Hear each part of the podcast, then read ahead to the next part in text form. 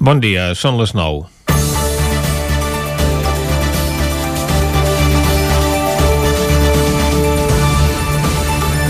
Una quarantena d'ajuntaments catalans han creat l'Associació de Municipis i Entitats per l'Aigua Pública amb la voluntat de revertir a mans dels ajuntaments les concessions al Servei Municipal d'Aigua Potable.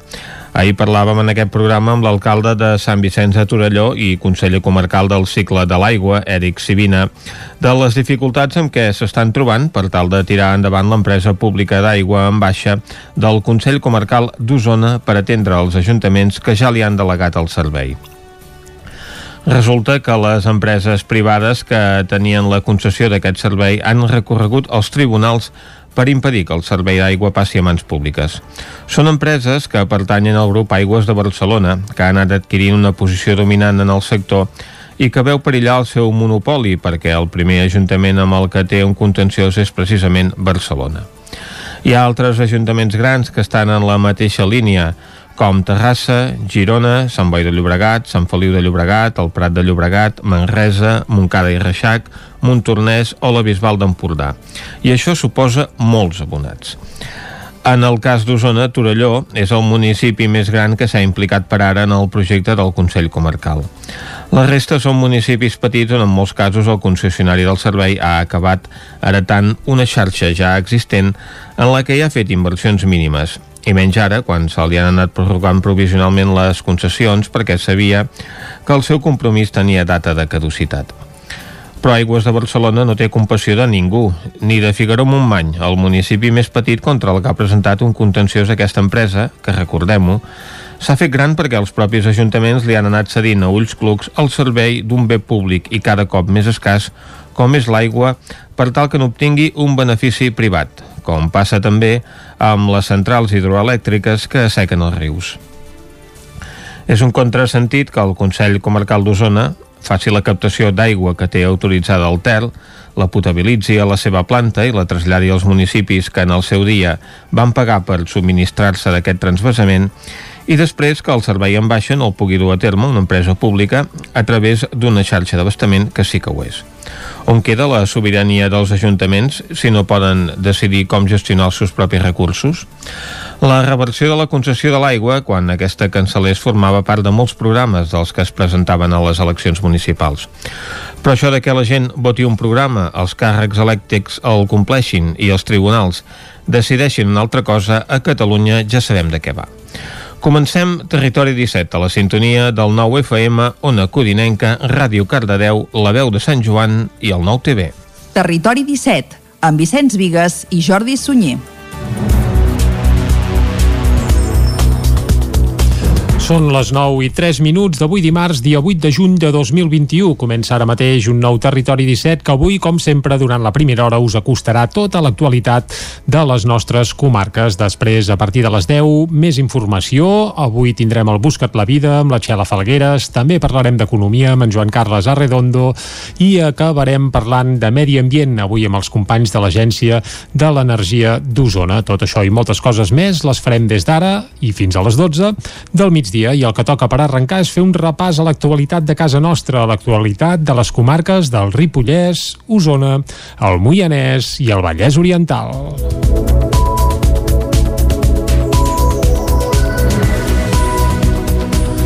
Des d'avui al matí i fins divendres, 800 alumnes d'Osona s'examinen de la selectivitat a les instal·lacions a la Universitat de Vic, on s'aplicaran les mesures establertes a causa de la pandèmia de Covid-19. El gruix principal d'estudiants farà les proves al campus de Miramarges i una altra part ho faran a Can Bauman. Aquest cap de setmana al Nou TV van a veure quatre alumnes que aquests darrers dies s'han trobat per acabar de preparar la selectivitat a la Biblioteca dos Rius de Torelló. Són per aquest ordre Clàudia Soldavila, Esther Sala i Givert Font. Els sentim a tots tres. Um, bueno, igual que tots una mica anar estudiant, fent el que podíem, sobretot el temari que no hem pogut acabar de fer, repassar-lo molt perquè és potser el que portem una mica més fluix i l'altre és com un repàs més general. Les matèries comunes ho fem bastant junts i les altres anem fent per si ens sorgeix algun dubte ens ho demanem i ens ajudem, sí.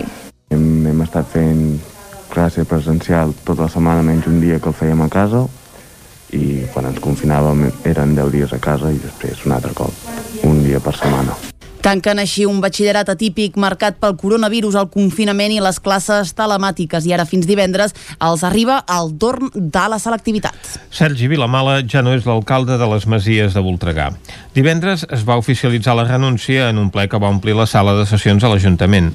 Tots els grups municipals li van reconèixer el llegat de 18 anys a l'alcaldia que abandona per motius laborals. Verònica Ruiz serà escollida com a nova alcaldessa divendres de la setmana que ve. Familiars, amics, exregidors i persones vinculades al PSC van omplir la sala de sessions de l'Ajuntament de les Masies de Voltregà divendres fins al límit permès per les mesures anti-Covid. S'hi celebrava el ple extraordinari en què Sergi Vilamala, alcalde del municipi els últims 18 anys, deixava oficialment el càrrec.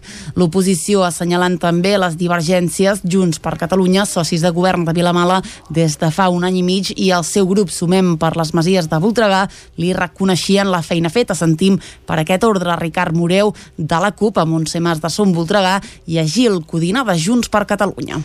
Creiem que vostè era la persona elegida pel poble i ens mereixíem quatre anys més de govern Vilamala.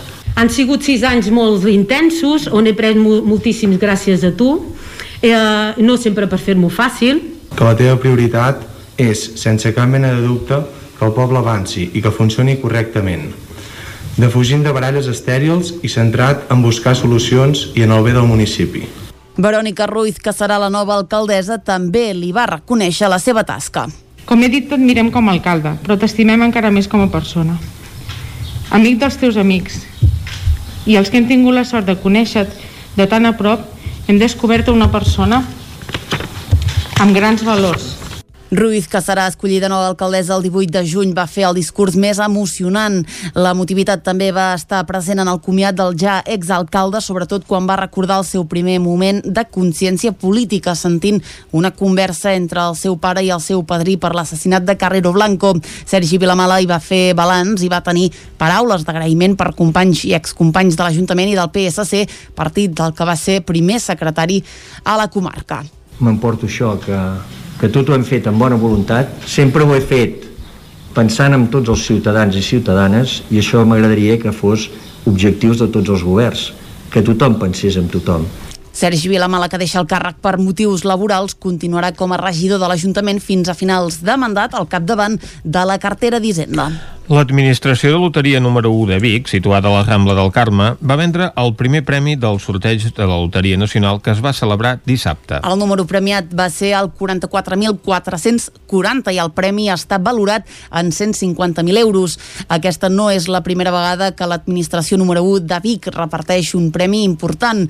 L'any 2019 van vendre un segon premi de la Loteria Nacional. En total van repartir 480.500 euros en 40 dècims del número 97.828 a clients habituals. Aquesta vegada, Joaquima Vil, encarregada de l'administració, també tenia clar qui és la persona agraciada. Sí, sí, és una persona d'aquí la comarca, però encara no l'hem vista. Vale. Eh? Que sol venir cada setmana així i, i és un bon premi, 150.000 euros, perquè aquests números, molta gent, quan els veuen no els volen. I, i aquest número el fem cada setmana, normalment el fem cada setmana, per, per algunes persones que juguen cada setmana i potser fa anys que juguen. Estem bueno, molt bé, molt, molt contents i més eh, perquè com més es ven, més, més possibilitat de premis eh, podem donar. Eh? I el, com més premis, més bé. El sorteig de la Loteria Nacional de dissabte més era especial, ja que es dedicava a la Creu Roja. L'atenció als parts retornarà a l'Hospital de Mollet el 15 de juny. Aquesta mesura afecta la població de Sant Feliu de Codines i de Caldes de Montbui, ja que formen part de l'àrea bàsica sanitària que depèn de l'Hospital de Mollet. Caral Campàs, des d'Ona Codinenca. A causa de la bona evolució de la situació epidemiològica, el Departament de Salut ha establert que el proper dimarts l'atenció als parts retorni a l'Hospital de Mollet, que temporalment havia deixat d'atendre'ls. A partir d'aquesta data, les gestants ja podran acudir al seu centre de referència per donar llum, amb normalitat, comoditat i total seguretat d'acord amb els protocols i les mesures establertes pel Departament de Salut. En plena pandèmia, el Departament va decidir concentrar els parts en determinats hospitals davant la incertesa de l'evolució epidemiològica i amb l'objectiu de minimitzar els riscos a les persones ateses. L'Hospital de Mollet va deixar d'atendre els parts des del mes de març al mes d'abril de l'any passat, que es van traslladar a la mútua Granollers. Posteriorment, el passat mes d'octubre, es van tornar a traslladar de la mútua de Granollers a l'Hospital Universitari Parc Taulí de Sabadell i a l'Hospital General de Granollers. En tot moment s'hi han atès les consultes per al control de la gestació, ecografies i seguiment de l'embaràs i les urgències d'obstetriacia, pediatria i ginecologia. Èxit de públic i participació en la primera edició de la Fira Baica. Dissabte, durant tot el dia, una vintena de parades van omplir el Parc Jaume Balmes de Vic, que va convertir-se en escenari de la Festa de la Bicicleta i de la mobilitat sostenible. L'arribada del bus bici amb desenes de ciclistes de totes les edats al Parc Jaume Balmes de Vic obria dissabte la primera edició de la Fira Baica. Aurora Cup, Biciclot i Partí van pilotar l'aterratge de la Fira a la capital usonenca. Des de primera hora del matí, a mans de la bicicleta, empreses i entitats del territori es van poder endinsar per la vintena de parades de la Fira, totes especialitzades en, la noves, en les noves tendències de mobilitat sostenible. Un dels reclams de la jornada va ser els tricicles de Cristiana Bikes a Copenhagen, la joia de la corona de les passejades terapèutiques del projecte No Limits. Ho explica Ramon Furriol, soci i treballador de la cooperativa Aurora. Doncs eh, nosaltres portem temps treballant amb, amb tot el tema relacionat amb la mobilitat sostenible i hem, est hem estat eh, treballant també amb empreses socials de Copenhagen i hem vist en, entre uns i altres doncs, que la bicicleta i la mobilitat sostenible és un tema que cada cop està més a l'agenda tant a nivell social i associatiu com a nivell d'empresa i, i línies de negoci. La fira també va comptar amb la zona experimental i amb les càpsules formatives, un espai on es va posar damunt la taula els reptes de la mobilitat. Ramon Furriols. Nosaltres creiem que és un canvi que s'està gestant ja i que moltes ciutats, eh, de, sobretot nord d'Europa, ja, ja ho estan portant a terme i, i bé, és un canvi de consciència, és un canvi d'hàbits, un canvi de consums i, i nosaltres intentem situar Vic no? i aquesta fira sobre la taula i, i, que, i, que, i, i promocionar l'ús de la bicicleta, la mobilitat sostenible i, i també els productes i comerços de proximitat. Amb un balanç positiu de públic i de participació i sense gairebé haver paït la primera, l'organització ja pensa en una segona edició. Aquest dissabte el Tarambana de Cardedeu va acollir un nou vermut literari amb el periodista Albert Tom. Després d'una pausa de 20 anys sense publicar, hom ha escrit El dia que vaig marxar. David Oladell, de Ràdio Televisió Cardedeu. A prop de fer 50 anys, un dia Albert Tom decideix que vol desaparèixer d'ell mateix, deixar-ho tot i marxar un temps a França, a aprendre francès, la llengua que quan era petit significava pels seus pares la del país de la llibertat i que ara havia estat arraconada per l'omnipresent anglès. Se'n va uns mesos a Aix-en-Provence, on es troba amb ell mateix i amb el plaer de viure amb la calma, un retrat biogràfic a cavall entre els records de la infantesa a Taradell i la crònica del present del periodista. Compleix així un somni, el de fer un canvi de vida. Albert Tom, periodista i escriptor del dia que vaig marxar. El llibre es, es diu El dia que vaig marxar, però també és una mica el dia que vaig tornar, perquè el llibre està escrit cinc anys després d'aquesta història, no? I, i el, perquè jo volia que el llibre fos alguna cosa més que la crònica d'aquests mesos lleugers allà, no? I llavors em semblava que um, una cosa que almenys a mi m'ha passat i que jo crec que encara que no sigui escrivint un llibre cadascú la seva manera intentem fer que és que quan, quan perds els pares i sobretot després de, de processos llargs de, de malalties mm, el que intentes és preservar la memòria feliç de la família no? diguem, és a dir de, de recuperar els bons moments eh, familiars, no? I llavors el llibre també té aquesta part, no? El proper 19 de juny es tancarà el cicle de vermuts literaris amb el periodista Jordi Évole a les 12 del migdia al Tarambana i per qui no pugui ser-hi es podrà seguir en directe al canal de YouTube. I aquest cap de setmana el nou TV ha estat d'estrena. Des del campanar, el programa guardonat amb el Premi Zapping l'any 2016 ha tornat a l'antena amb un primer capítol dedicat a Sant Vicenç de Torelló. Des del campanar ha tornat aquest any a l'antena del nou TV amb la seva seva tercera temporada. Xavier Cervera, acompanyat de Maria Costa, l'edició i realització del programa es torna a enfilar als campanars d'Osona per recopilar la història de cada poble a partir de les veus d'alguns dels seus vilatans. Xavier Cervera. Són campanars nous, personatges nous, continguts doncs, que sempre t'aporten molt i personalment és un, per mi un creixement, un, un enriquiment, perquè cada persona a qui doncs, entrevistem té la seva saviesa personal, els seus coneixements del territori i per tant això és apassionant.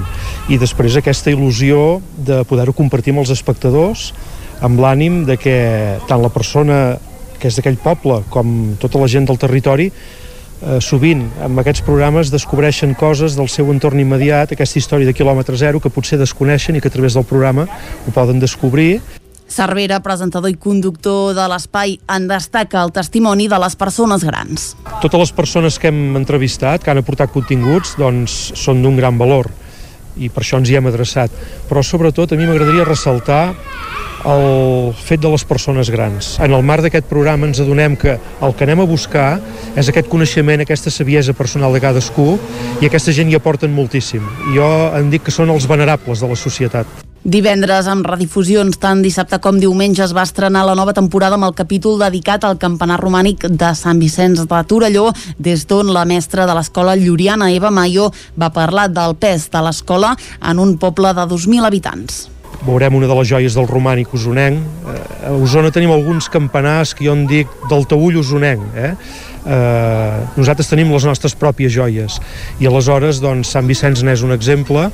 I també veurem coses molt arrelades en el cor de, del poble més enllà del campanar, que és aquesta icona col·lectiva, coses tan arrelades com, per exemple, podria ser l'escola o el seu passat entranyable de les colònies industrials, encara molt vives, tot això hi entrarem en profunditat i, i quedarem, jo crec, sorpresos de tot el que hem anat trobant.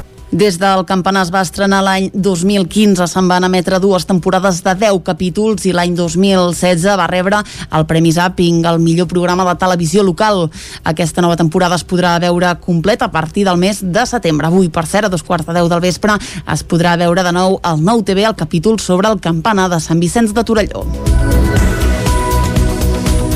I fins aquí el butlletí informatiu que us hem ofert amb Vicenç Vigues, Clàudia Dinarès, David Auladell, Caral Campàs i Isaac Muntades. Ara seguim i és l'hora de parlar del temps.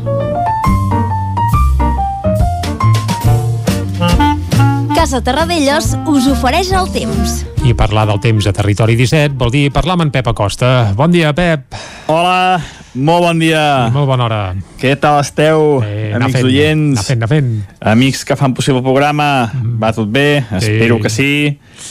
Pel que fa a la informació meteorològica, va. ahir, novament, vam tenir aquestes tempestes al sector eh, nord de Catalunya, al nord-est de Catalunya. Eh, és que mm, últimament eh, és, és a, on creixen les tempestes entre el sud del Ripollès, eh, Osona, eh, nord del Vallès Oriental, eh, cap a la Selva, cap a la Garrotxa. Mm, aquest lloc és típic, típic de tempestes, té unes característiques pel que fa al relleu, eh, que fa que, que creixin moltes tempestes, i un factor molt important que té el mar a prop eh, genera humitat i això fa que desencadenin eh, moltes tempestes. Eh? És aquest tros, eh, aquesta zona entre el Montseny, el Coix de Cabra, Guilleries, la Transversal, eh, és un lloc eh, típic i tòpic de moltes, moltes, moltes, moltes tempestes i és que fa molts dies eh, que creixen els nuvolars en aquestes zones. Ahir, els registres 21 litres a Sant Joan de les Abadeses, 17 a Puig de Zolles o 12 al Pantà de Sau. Tempestes una mica importants. Jo em pensava que no serien tan importants i que serien menys intenses i menys extenses, però al final, déu nhi déu nhi la pluja que, que va caure. Però això és història, avui estem a dimarts, és un altre dia, és una altra situació meteorològica, i és que avui tindrem el dia més assolellat i més calorós de la setmana. Serà un dia ja gairebé d'estiu. Uh, avui direm, ostres, ja tenim l'estiu aquí. I és, bueno, és que és veritat, eh, l'estiu ja tenim aquí de cantonada. però bueno, es notarà, es notarà per tots els cantons eh, que l'estiu el tenim aquí, que comença a apretar la calor i que farà molt de sol. Ens llevem unes temperatures eh, ja eh, bastant agradables, una mica més baixes, poder que ahir, ha fet, ha fet ja aquesta nit no ha fet gens de, de núvols i això ha fet que la temperatura baixés una mica més. Uh, la majoria de les mínimes entre els 10 i els 15 graus a totes les ciutats i pobles de les comarques, només per sota dels 10 graus a les zones de muntanya, del Montseny, del Pirineu, transversal, lògicament, aquestes zones per sota dels 10 graus i fins i tot per sota dels 5 graus a les zones més altes del Pirineu. Molt de sol, no hi ha gairebé ni un núvol aquest matí, eh, poques boirines també, molt, molt de sol, un ambient molt agradable, eh, moltes hores de sol, ja ho diem, estem en els dies més llargs de l'any perquè fa hores de sol, i a la tarda tornaran a créixer els nuvolats en aquestes zones del nord-est de Catalunya, eh, com deien, del Montseny i de transversal, eh, preferiblement, però avui no creixerà amb l'energia d'ahir ni dels últims dies.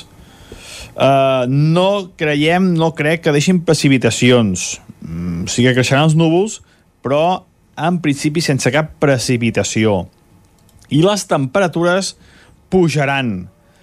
La majoria de valors entre els 25, 29, 30 graus. Es notarà la calor, anirà un augment. Eh, Avui serà el dia, com deia, més calorós de la setmana i atenció, setmana que ve, que sembla que hi d'haver una primera onada, de calor, de calor. poder no, uh -huh. però ha d'haver una calor forta, forta uh -huh. la setmana vinent, eh? però bueno, no vull avançar gaire, anem pel dia d'avui. Uh -huh. Com deia això, eh? que seran nuvolades, farà més calor, vents febles, eh, de direccions variables, molt pocs vents, i tenim aquest, aquest panorama, aquest, eh, aquesta situació meteorològica cada vegada més estiuenca, i és que ja tenim aquí l'estiu a, a tocar.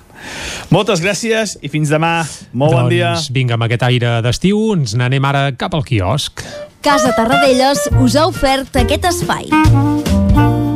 Territori 17 Arriba l'hora de fer un recull el que diuen en portada als diaris d'avui. Comencem, Clàudia, amb els diaris catalans. Comencem pel punt avui que diu tornen els turistes portes obertes a l'arribada de viatgers i vacunats eh, o amb prova negativa. El sector confia en el turisme internacional per remuntar la crisi. A la imatge, els protagonistes de les portades d'aquest dimarts, Aragonès i Sánchez, saluden el diàleg. Els presidents escenifiquen ganes d'entesa malgrat les profundes discrepàncies. Junqueras Junqueras, per la seva banda, aposta per la via del pacte amb l'Estat i Mundo Borres i Vila compleixen demà la condemna de l'1 d'octubre. Anem al diari Ara que diu Junqueras avala els indults. Se'ls veu com un gest que pot alleugerir el conflicte i insta l'Estat a dialogar i a negociar. A la imatge assaig de desglàs a Barcelona veiem a Pedro Sánchez i també a Pere Aragonès. Universitats, canviem de tema, manté el català per defecte a la selectivitat, tot i la decisió del Tribunal Superior de Justícia de Catalunya i tanca l'escating, la històrica pista de gel de l'Eixample. Anem al periòdico que diu arriba la distensió. Sánchez i Aragonès solemnitzen el diàleg entre governs després de la carta de Junqueras en què assumeix els indults i qüestiona la via unilateral. El Marroc suspèn el pas de l'estret sense notificar-ho a Madrid i els hotelers de Barcelona critiquen l'aplicació del recàrrec turístic. Anem a l'avantguàrdia que diu Sánchez i Aragonès inauguren una nova etapa d'entesa. El president del govern central anima a buscar junts un nou nosaltres i el president català constata que es fan passos cap endavant. A la imatge, medalla a Javier Godó per la seva trajectòria empresarial i els barons principals del PP es desmarquen de la protesta de Colón. Anem a veure què treuen en portada els diaris espanyols. Anem al país que diu Junquera plana els indults a l'allunyar-se de la via unilateral. A la imatge, el turisme torna torna a Espanya. El govern preveu ajudes a un milió de pimes per la digitalització i Sanitat flexibilitzar davant les autonomies les restriccions de l'hostaleria. El Mundo Junqueras assumeix els indults de Sánchez però exigeix el referèndum. El líder d'Esquerra dona oxigen al govern a l'agrair la mesura de gràcia i qüestionar la via unilateral. En esports, la selecció debutarà a l'Eurocopa sense estar immunitzada. Anem a la raó que diu Sánchez i Junqueras obren la via al referèndum pactat. A la imatge Javier Godó, premi a una trajectòria exemplar i Villarejo va avisar a Cospedal sobre l'informe de Rajoy. Acabem amb l'ABC que parla d'un cop a la presumpció d'innocència, diu amb una simple denúncia serà suficient prohibir les visites de l'altre progenitor als fills. A la imatge hi veiem Aragonès i a Sánchez, diu el secessionisme aplana el camí a Sánchez. La Moncloa i Esquerra sanifiquen la seva complicitat a legitimar Junqueras als indults sense renunciar a la independència. Pere i Pedro, protagonistes de les portades dels diaris d'avui, tant El Mundo com l'Ara i el Punt Avui escollen una mateixa foto de l'agència F on se'ls veu en el moment que se saluden donant-se al puny davant d'aquest auditori abans de començar aquest acte d'ahir on van coincidir de la celebració dels 250 anys de foment del treball en el que es premiava a l'editor de La Vanguardia, Javier de Godó, pels 140 anys del diari. Per tant, lògicament, La Vanguardia, la foto que han triat, és el moment en què el conde de Godó rep aquest guardó de mans de Josep Sánchez Llibre, el president de Foment, i del president del govern espanyol, que és qui presidia aquest acte de foment del treball. També la Razón escull aquesta fotografia d'aquest moment de l'acte, el periòdico també escull una foto del moment en què els dos presidents eh, se saluden, però és una foto diferent de la que hem vist a les portades del Mundo de l'Ara i del Punt avui i en canvi el país opta per obrir la portada amb una fotografia de turistes arribant a l'aeroport de Palma, tot i que el seu titular principal també és polític, en aquest cas doncs, fent referència a aquest article que avui publica el diari Ara d'Oriol Junqueras en el que doncs, accepta els indults i demana allunyar-se de la via unilateral per aconseguir la independència. Un article que ja ha rebut fa poca estona la resposta del seu soci de govern, del seu primer soci de govern, de la CUP. És el repàs que hem fet avui en les portades dels diaris. Ara és hora de posar punt i final a aquest bloc informatiu. Exacte, doncs punt i final al bloc informatiu, fem una breu pausa de 3 minutets i tornem de seguir d'aquí a Territori 17 acostant-vos de nou l'actualitat de casa nostra. Fins ara.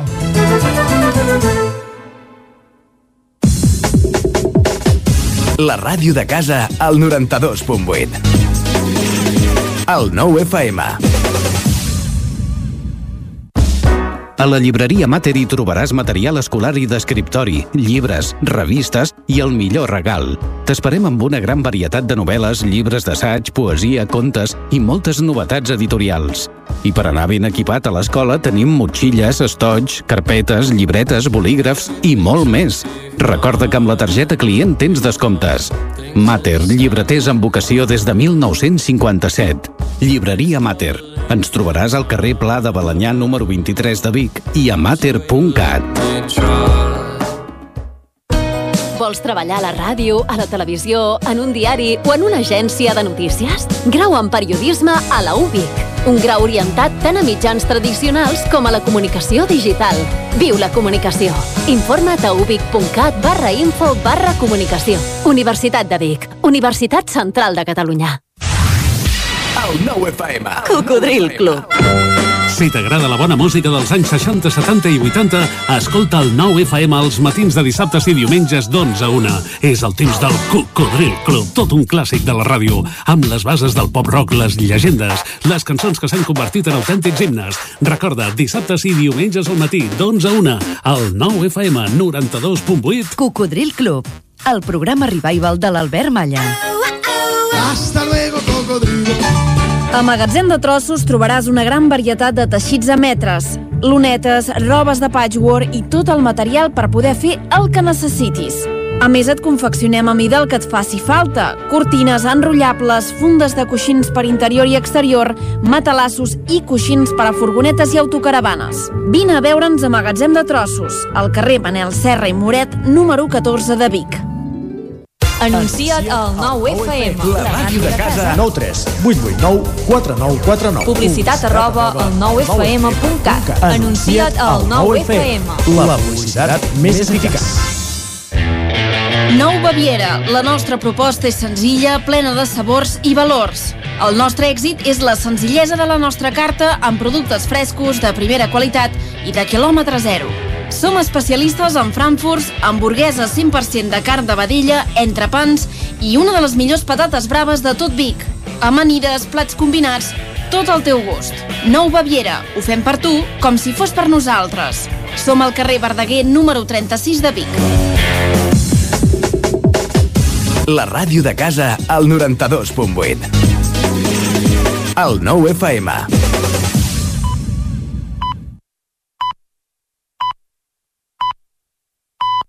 Territori 17, amb Vicenç Vigues i Jordi Sunyer. Dos quarts de deu del matí en punt d'avui dimarts, dia 8 de juny de 2021. Seguim en directe aquí a Territori 17 i de seguida us acostarem de nou tota l'actualitat de les nostres comarques. Després de les 10, més informació. Avui tindrà un marcat accent cultural i esportiu, la informació de les 10. A partir de llavors, entrevista. Avui conversarem amb Mariona Martín sobre les jornades de coeducació que es duran a terme a Cardedeu. També tindrem, com sempre, piulades, repassarem les portades del 99.cat, tindrem el Busca't la vida amb la Txela Falgueres i a la darrera hora del Territori 17 d'avui, com sempre els dimarts, parlarem doncs avui d'economia amb el Joan Carles Arredondo, descobrirem algun racó del nostre territori, avui anirem fins a Sant Celoni, al Descobrint Catalunya, passarem per la R3 i a la recta final del programa d'avui ens acompanyaran els amics de l'Agència de l'Energia d'Osona. Això serà a la part final d'un programa que ara segueix acostant-vos l'actualitat de casa vostra, de casa nostra, l'actualitat de les comarques del Ripollès, Osona, el Moianès i el Vallès Oriental.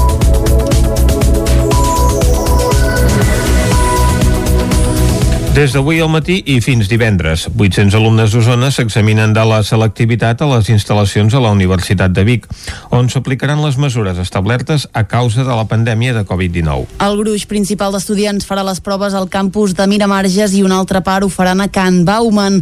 Aquest cap de setmana al nou TV van a veure quatre alumnes que aquests darrers dies s'han trobat per acabar de preparar la selectivitat a la Biblioteca dos Rius de Torelló. Són per aquest ordre Clàudia Soldevila, Esther Sala i Givert Font. Els sentim a tots tres. Um, bueno, igual que tots una mica anar estudiant, fent el que podíem, sobretot el temari que no hem pogut acabar de fer, repassar-lo molt perquè és potser el que portem una mica més fluix i l'altre és com un repàs més general. Les matèries comunes ho fem bastant junts i les altres anem fent per si ens sorgeix algun dubte ens ho demanem i ens ajudem, sí. Hem, hem estat fent classe presencial tota la setmana menys un dia que el fèiem a casa i quan ens confinàvem eren 10 dies a casa i després un altre cop, un dia per setmana. Tanquen així un batxillerat atípic marcat pel coronavirus, el confinament i les classes telemàtiques i ara fins divendres els arriba el torn de la selectivitat. Sergi Vilamala ja no és l'alcalde de les Masies de Voltregà. Divendres es va oficialitzar la renúncia en un ple que va omplir la sala de sessions a l'Ajuntament. Tots els grups municipals li van reconèixer el llegat de 18 anys a l'alcaldia que abandona per motius laborals. Verònica Ruiz serà escollida com a nova alcaldessa divendres a la setmana que ve. Familiars, amics, exregidors i persones vinculades al PSC van omplir la sala de sessions de l'Ajuntament de les Masies de Voltregà divendres fins al límit permès per les mesures anti-Covid. S'hi celebrava el ple extraordinari en què Sergi Vilamala, alcalde del municipi els últims 18 anys, deixava oficialment el càrrec. L'oposició assenyalant també les divergències Junts per Catalunya, socis de govern de Vilamala des de fa un any i mig i el seu grup Sumem per les Masies de Voltregà li reconeixien la feina feta. Sentim per aquest ordre Ricard Moreu de la CUP a Montse Mas de Som Voltregà i a Gil Codina de Junts per Catalunya. Creiem que vostè era la persona elegida pel poble i ens mereixíem quatre anys més de govern Vilamala. Han sigut sis anys molt intensos, on he pres moltíssims gràcies a tu, eh, no sempre per fer-m'ho fàcil. Que la teva prioritat és, sense cap mena de dubte, que el poble avanci i que funcioni correctament. Defugint de baralles estèrils i centrat en buscar solucions i en el bé del municipi. Verònica Ruiz, que serà la nova alcaldessa, també li va reconèixer la seva tasca. Com he dit, t'admirem com a alcalde, però t'estimem encara més com a persona. Amic dels teus amics. I els que hem tingut la sort de conèixer de tan a prop, hem descobert una persona amb grans valors, Ruiz, que serà escollida nova alcaldessa el 18 de juny, va fer el discurs més emocionant. La motivitat també va estar present en el comiat del ja exalcalde, sobretot quan va recordar el seu primer moment de consciència política, sentint una conversa entre el seu pare i el seu padrí per l'assassinat de Carrero Blanco. Sergi Vilamala hi va fer balanç i va tenir paraules d'agraïment per companys i excompanys de l'Ajuntament i del PSC, partit del que va ser primer secretari a la comarca m'emporto això, que, que tot ho hem fet amb bona voluntat, sempre ho he fet pensant en tots els ciutadans i ciutadanes i això m'agradaria que fos objectius de tots els governs, que tothom pensés en tothom. Sergi Vilamala, que deixa el càrrec per motius laborals, continuarà com a regidor de l'Ajuntament fins a finals de mandat al capdavant de la cartera d'Hisenda. L'administració de loteria número 1 de Vic, situada a la Rambla del Carme, va vendre el primer premi del sorteig de la Loteria Nacional que es va celebrar dissabte. El número premiat va ser el 44.440 i el premi està valorat en 150.000 euros. Aquesta no és la primera vegada que l'administració número 1 de Vic reparteix un premi important. L'any 2000 2019 van vendre un segon premi de la Loteria Nacional. En total van repartir 480.500 euros en 40 dècims del número 97.828 a clients habituals. Aquesta vegada, Joaquima Vila, encarregada de l'administració, també tenia clar qui és la persona agraciada. Sí, sí, és una persona d'aquí la comarca, però encara no l'hem vista. Vale. Eh? Que sol venir cada setmana, així, i, i és un bon premi, 150.000 euros, perquè aquests números, molta gent, quan els veuen no els volen. I, i aquest número el fem cada setmana, normalment el fem cada setmana, per, per algunes persones que juguen cada setmana i potser fa anys que juguen estem bueno, molt bé, molt, molt contents i més eh, perquè com més es ven, més, més possibilitat de premis eh, podem donar. Eh? I el, com més premis, més bé. El sorteig de la Loteria Nacional de dissabte més era especial, ja que es dedicava a la Creu Roja. L'atenció als parts retornarà a l'Hospital de Mollet el 15 de juny. Aquesta mesura afecta la població de Sant Feliu de Codines i de Caldes de Montbui, ja que formen part de l'àrea bàsica sanitària que depèn de l'Hospital de Mollet. Caral Campàs, des d'Ona Codinenca. A causa de la bona evolució de la situació epidemiològica, el Departament de Salut ha establert que el proper dimarts l'atenció als parts retorni a l'Hospital de Mollet, que temporalment havia deixat d'atendre'ls. A partir d'aquesta data, les gestants ja podran acudir al seu centre de referència per donar llum, amb normalitat, comoditat i total seguretat d'acord amb els protocols i les mesures establertes pel Departament de Salut. En plena pandèmia, el Departament va decidir concentrar els parts en determinats hospitals davant la incertesa de l'evolució epidemiològica i amb l'objectiu de minimitzar els riscos a les persones ateses. L'Hospital de Mollet va deixar d'atendre els parts des del mes de març al mes d'abril de l'any passat, que es van traslladar a la mútua Granollers. Posteriorment, al passat passat mes d'octubre es van tornar a traslladar de la mútua de Granollers a l'Hospital Universitari Parc Taulí de Sabadell i a l'Hospital General de Granollers. En tot moment s'hi han atès les consultes per al control de la gestació, ecografies i seguiment de l'embaràs i les urgències d'obstetriacia, pediatria i ginecologia. Èxit de públic i participació en la primera edició de la Fira Baica. Dissabte, durant tot el dia, una vintena de parades van omplir el Parc Jaume Balmes de Vic, que va convertir convertir-se en escenari de la festa de la bicicleta i de la mobilitat sostenible. L'arribada del bus bici amb desenes de ciclistes de totes les edats al Parc Jaume Balmes de Vic obria dissabte la primera edició de la Fira Baica. Aurora Cup, Biciclot i Partí van pilotar l'aterratge de la Fira a la capital usonenca. Des de primera hora del matí, a mans de la bicicleta, empreses i entitats del territori es van poder endinsar per la vintena de parades de la Fira, totes especialitzades en, la noves, en les noves tendències de mobilitat sostenible. Un dels reclams de la jornada va ser els tricicles de Cristiana Biaix a Copenhagen, la joia de la corona de les passejades terapèutiques del projecte No Limits. Ho explica Ramon Furriol, soci i treballador de la cooperativa Aurora. Doncs eh, nosaltres portem temps treballant amb, amb tot el tema relacionat amb la mobilitat sostenible i hem, est hem estat eh, treballant també amb empreses socials de Copenhagen i hem vist en, entre uns i altres doncs, que la bicicleta i la mobilitat sostenible és un tema que cada cop està més a l'agenda tant a nivell social i associatiu com a nivell d'empresa i, i línies de negoci. La fira també va comptar amb la zona experimental i amb les càpsules formatives, un espai on es va posar damunt la taula els reptes de la mobilitat. Ramon Furriols. Nosaltres creiem que és un canvi que s'està gestant ja i que moltes ciutats, eh, de, sobretot nord d'Europa, ja, ja ho estan portant a terme i, i és un canvi de consciència, és un canvi d'hàbits, un canvi de consums i, i nosaltres intentem situar Vic no? i aquesta fira sobre la taula i, i, que, i, que, i, i promocionar l'ús de la bicicleta, la mobilitat sostenible i, i també els productes i comerços de proximitat. Amb un balanç positiu de públic i de participació i sense gairebé haver paït la primera, l'organització ja pensa en una segona edició. Aquest dissabte el Tarambana de Cardedeu va acollir un nou vermut literari amb el periodista Albert Tom. Després d'una pausa de 20 anys sense publicar, hom ha escrit El dia que vaig marxar. David Oladell, de Ràdio Televisió Cardedeu.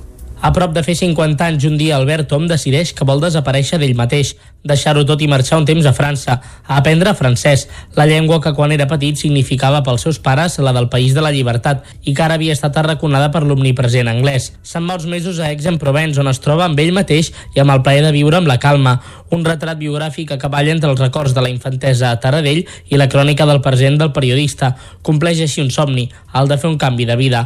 Albert Tom, periodista i escriptor del dia que vaig marxar. El llibre es, es diu El dia que vaig marxar, però també és una mica el dia que vaig tornar perquè el llibre està escrit cinc anys després d'aquesta història, no? I, i el, perquè jo volia que el llibre fos alguna cosa més que la crònica d'aquests mesos lleugers allà, no? I llavors em semblava que um, una cosa que almenys a mi m'ha passat i que jo crec que encara que no sigui escrivint un llibre cadascú la seva manera intentem fer que és que quan quan perds els pares i sobretot després de, de processos llargs de, de malalties mm, el que intentes és preservar la memòria feliç de la família, no? Diguem, és a dir, de, de recuperar els bons moments eh, familiars, no? I llavors el llibre també té aquesta part, no? El proper 19 de juny es tancarà el cicle de vermuts literaris amb el periodista Jordi Évole a les 12 del migdia al Tarambana i per qui no pugui ser-hi es podrà seguir en directe al canal de YouTube. I aquest cap de setmana el Nou TV ha estat d'estrena.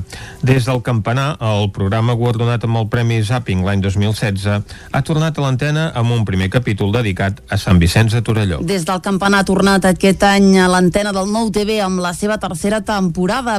Xavier Cervera, acompanyat de Maria Costa, l'edició i realització del programa es torna a enfilar els campanars d'Osona per recopilar la història de cada poble a partir de les veus d'alguns dels seus vilatans. Xavier Cervera són campanars nous, personatges nous, continguts doncs, que sempre t'aporten molt i personalment és un, per mi un creixement, un, un enriquiment perquè cada persona a qui doncs, entrevistem té la seva saviesa personal, els seus coneixements del territori i per tant això és apassionant. I després aquesta il·lusió de poder-ho compartir amb els espectadors amb l'ànim de que tant la persona que és d'aquell poble com tota la gent del territori eh, sovint amb aquests programes descobreixen coses del seu entorn immediat, aquesta història de quilòmetre zero que potser desconeixen i que a través del programa ho poden descobrir Cervera, presentador i conductor de l'espai, en destaca el testimoni de les persones grans. Totes les persones que hem entrevistat, que han aportat continguts, doncs són d'un gran valor i per això ens hi hem adreçat. Però sobretot a mi m'agradaria ressaltar el fet de les persones grans. En el marc d'aquest programa ens adonem que el que anem a buscar és aquest coneixement, aquesta saviesa personal de cadascú i aquesta gent hi aporten moltíssim. Jo em dic que són els venerables de la societat. Divendres, amb redifusions tant dissabte com diumenge, es va estrenar la nova temporada amb el capítol dedicat al campanar romànic de Sant Vicenç de Torelló, des d'on la mestra de l'escola Lluriana, Eva Mayo, va parlar del pes de l'escola en un poble de 2.000 habitants veurem una de les joies del romànic usonenc. Eh, a Osona tenim alguns campanars que jo en dic del taüll usonenc. Eh? Eh, nosaltres tenim les nostres pròpies joies i aleshores doncs, Sant Vicenç n'és un exemple i també veurem coses molt arrelades en el cor de, del poble més enllà del campanar, que és aquesta icona col·lectiva, coses tan arrelades com, per exemple, podria ser l'escola o el seu passat entranyable de les colònies industrials, encara molt vives, tot això hi entrarem en profunditat i, i quedarem, jo crec, sorpresos de tot el que hem anat trobant. Des del campanar es va estrenar l'any 2015, se'n van emetre dues temporades de 10 capítols i l'any 2016 va rebre el Premi Zapping, el millor programa de televisió local. Aquesta nova temporada es podrà veure completa a partir del mes de setembre. Avui, per cert, a dos quarts de deu del vespre, es podrà veure de nou al nou TV el capítol sobre el campanar de Sant Vicenç de Torelló. I fins aquí el butlletí informatiu que us hem ofert amb Vicenç Vigues, Clàudia Dinarès, David Auladell, Caral Campàs i Isaac Muntades. Ara seguim i és l'hora de parlar del temps.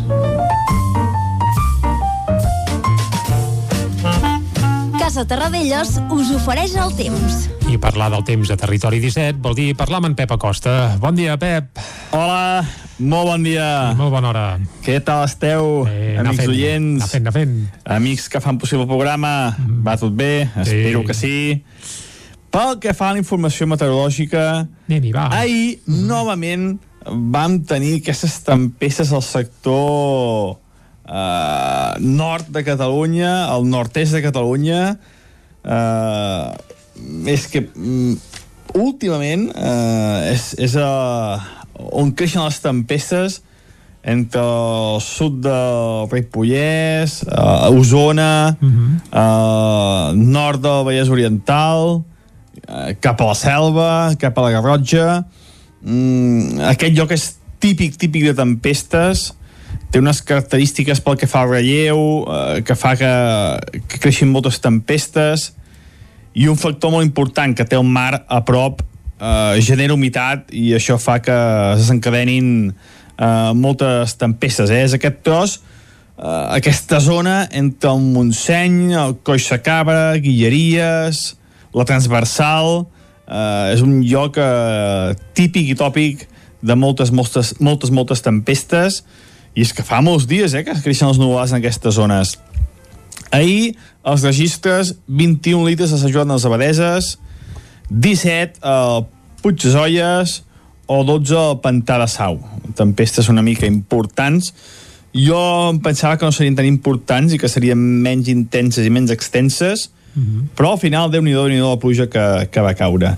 Però això és història, avui estem a dimarts, és un altre dia, és una altra situació meteorològica, i és que avui tindrem el dia més assolellat i més calorós de la setmana. Serà un dia ja gairebé d'estiu. Eh, avui direm, ostres, ja tenim l'estiu aquí. I és, bueno, és que és veritat, eh, l'estiu ja tenim aquí de cantonada, però bueno, es notarà, es notarà per tots els cantons eh, que l'estiu el tenim aquí, que comença a apretar la calor i que farà molt de sol. Ens llevem unes temperatures eh, ja eh, bastant agradables, una mica més baixes, poder que ahir, ha fet, ha fet ja aquesta nit no ha fet gens de, de núvols i això ha fet que la temperatura baixés una mica més. Uh, la majoria de les mínimes entre els 10 i els 15 graus a totes les ciutats i pobles de les comarques, només per sota dels 10 graus a les zones de muntanya, del Montseny, del Pirineu, transversal, lògicament, aquestes zones per sota dels 10 graus i fins i tot per sota els 5 graus a les zones més altes del Pirineu molt de sol, no hi ha gairebé ni un núvol aquest matí, eh, poques boirines també, molt, molt de sol, un ambient molt agradable, eh, moltes hores de sol, ja ho diem, estem en els dies més llargs de l'any perquè fa hores de sol, i a la tarda tornaran a créixer els nuvolars en aquestes zones del nord-est de Catalunya, eh, com deien, del Montseny i de Transversal, eh, preferiblement, però avui no creixerà amb l'energia d'ahir ni dels últims dies.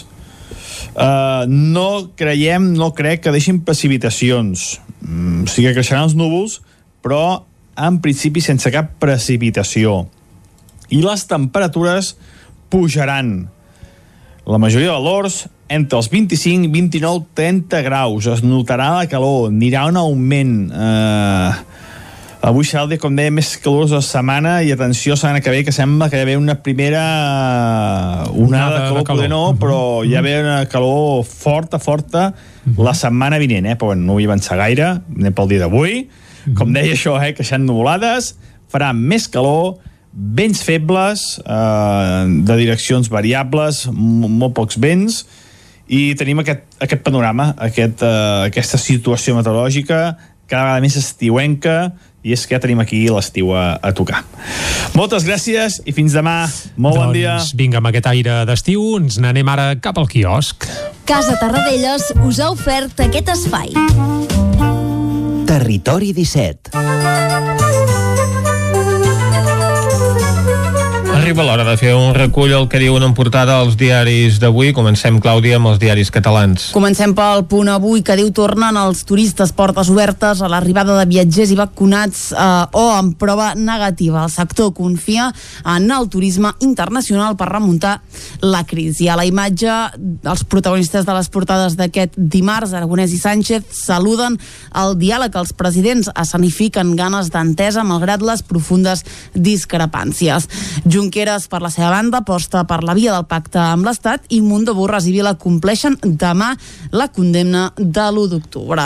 Anem al diari ara que diu Junqueras avala els indults. Se'ls veu com un gest que pot alleugerir el conflicte i insta l'Estat a dialogar i a negociar. A la imatge assaig de desglàs a Barcelona veiem a Pedro Sánchez i també a Pere Aragonès.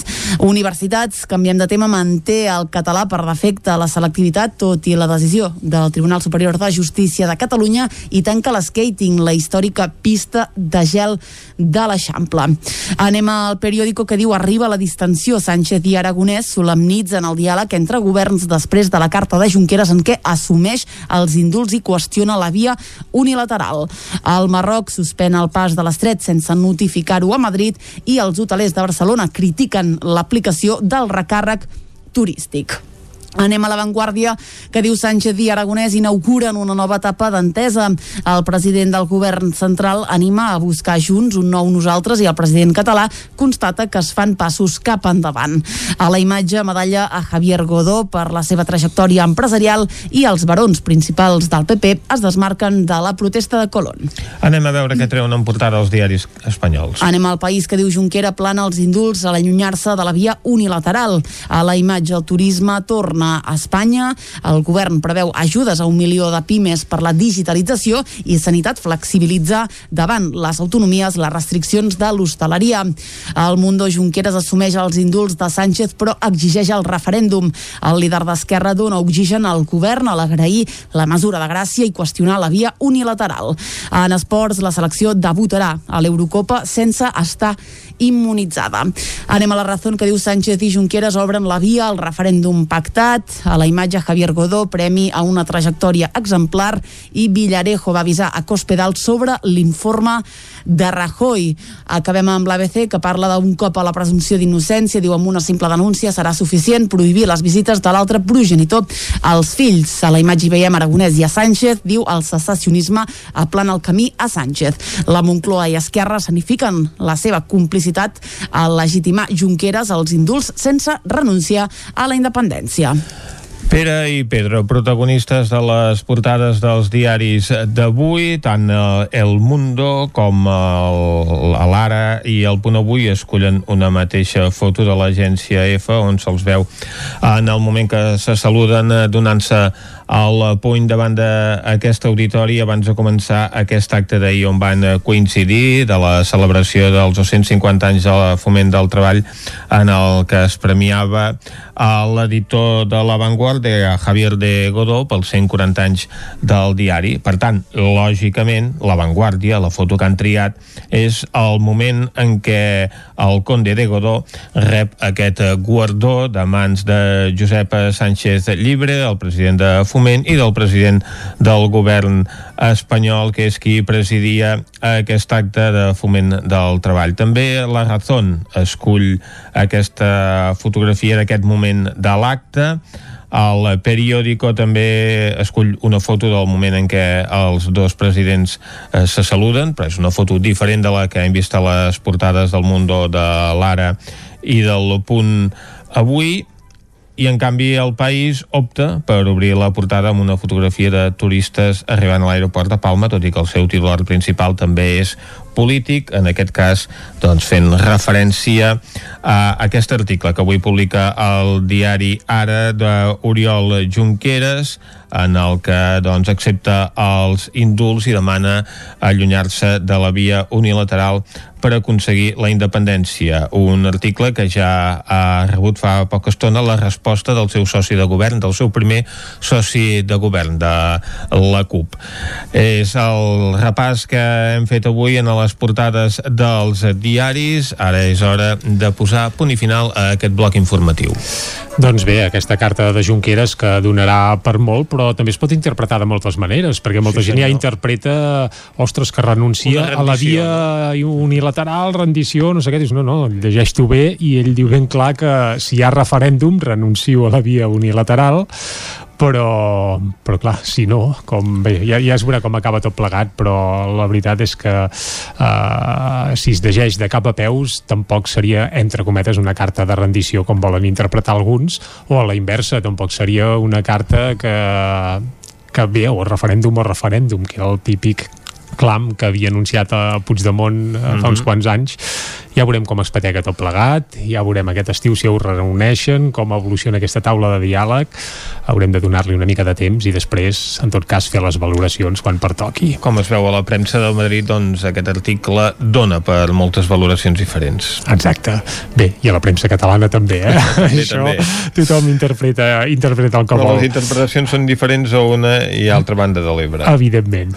Uh, deixem aquí uh, el bloc informatiu, deixem aquí el repàs de les portades i anem al bloc musical. Va, Avui anem. hi volem posar una mica de distensió. En Pep Acosta ja ens ha dit que ve l'estiu, que s'acosta molta bonança meteorològica, sobretot de cara a la setmana vinent, i això vol dir que són uns dies ideals per anar d'excursió. Jo, per si de cas, ja, ja hi he anat igualment, els dies que he pogut, només faltaria. Com però avui, les tardes que plou. Uh, bé, però quatre gotes i un bon ruixadet, si vas a fer una excursioneta, a vegades tampoc és tràgic, eh? el que és tràgic és que et plogui tot el dia.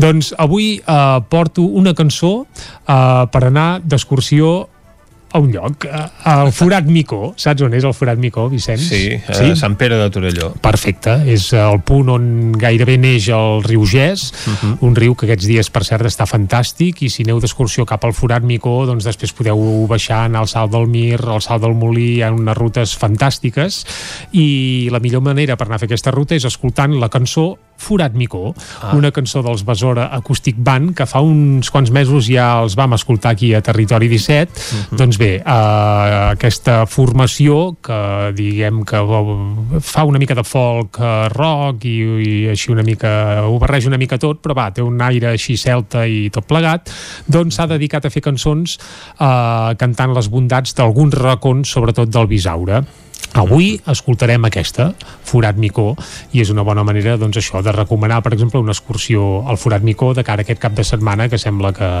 que el temps farà bo i acompanyarà.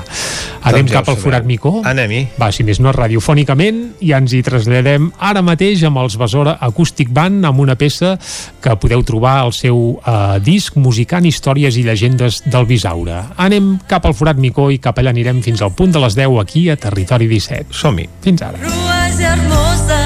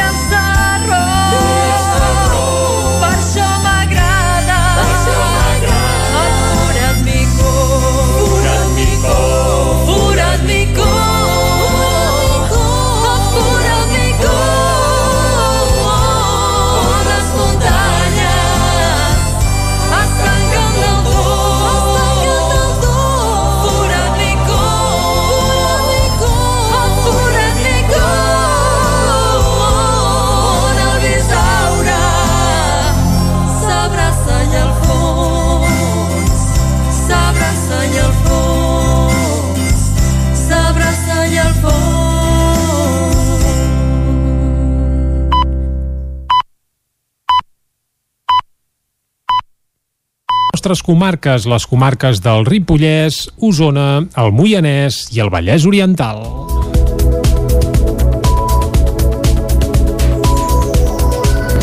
11.500 persones han assistit als props de 200 concerts que el So de les Cases va programar a Vic entre divendres i diumenge. El festival, que arribava a la cinquena edició, s'ha pogut recuperar després d'un any d'aturada obligada per la pandèmia amb 1.500 assistents més que en la darrera edició. La pluja que va caure dissabte a la tarda va obligar a suspendre alguns dels concerts previstos a l'aire lliure, però aquesta va acabar sent l'única incidència derivada del mal temps durant tot el cap de setmana. De Seis Sisters, Roger Usart, Santi Carcasona, Clara Peia, Vic Moliner o Caïm Riba han estat alguns dels noms més destacats de la cinquena edició d'un so de les cases que es va tancar diumenge a la tarda amb un balanç més que positiu. L'ocupació dels escenaris va ser bona en la majoria d'actuacions i pel festival, que vincula música i patrimoni en 19 espais diferents, hi van passar 11.500 persones. L'Institut Escola Mestre Andreu de Sant Joan de les Abadeses presenta un llibre sobre els seus primers 10 anys d'història. Isaac Muntades, des de la veu de Sant Joan. Per celebrar el desè aniversari de l'Institut Escola Mestre Andreu de Sant Joan de les Abadeses, aquest dimarts a dos quarts de sis de la tarda, el Palau de l'Abadia acollirà la presentació del llibre 10 anys de l'Institut Escola Mestre Andreu a càrrec del director del centre escolar, Miquel Mercè. Cal recordar que la secundària es va iniciar a Sant Joan el curs 2005-2006. Llavors la titularitat del centre era municipal, però va passar a ser de titularitat pública el curs 2009-2010. Mercè va iniciar una segona etapa al centre educatiu aquell mateix any com a cap d'estudis, ja que després d'aprovar les oposicions va estar un parell d'anys fent classes a Sant Quirze de Besora. El 2010-2011 es va produir la fusió definitiva per la creació de l'Institut Escola després que la secció d'ensenyament secundari i el CEIP Mestre Andreu es van unir en un únic centre educatiu. Segons Mercè, això permet tenir un projecte educatiu de 3 a 16 anys que permet que els nens no hagin de marxar del poble per poder estudiar, que hi hagi una coordinació entre les diferents etapes educatives i que es pugui fer un seguiment més ajustat de l'alumne. Els inicis van ser durs, ja que només hi havia 5 instituts escola a tota la província de Girona i no hi havia una tradició prèvia. Per Mercè, el repte principal és unir els dos centres físicament.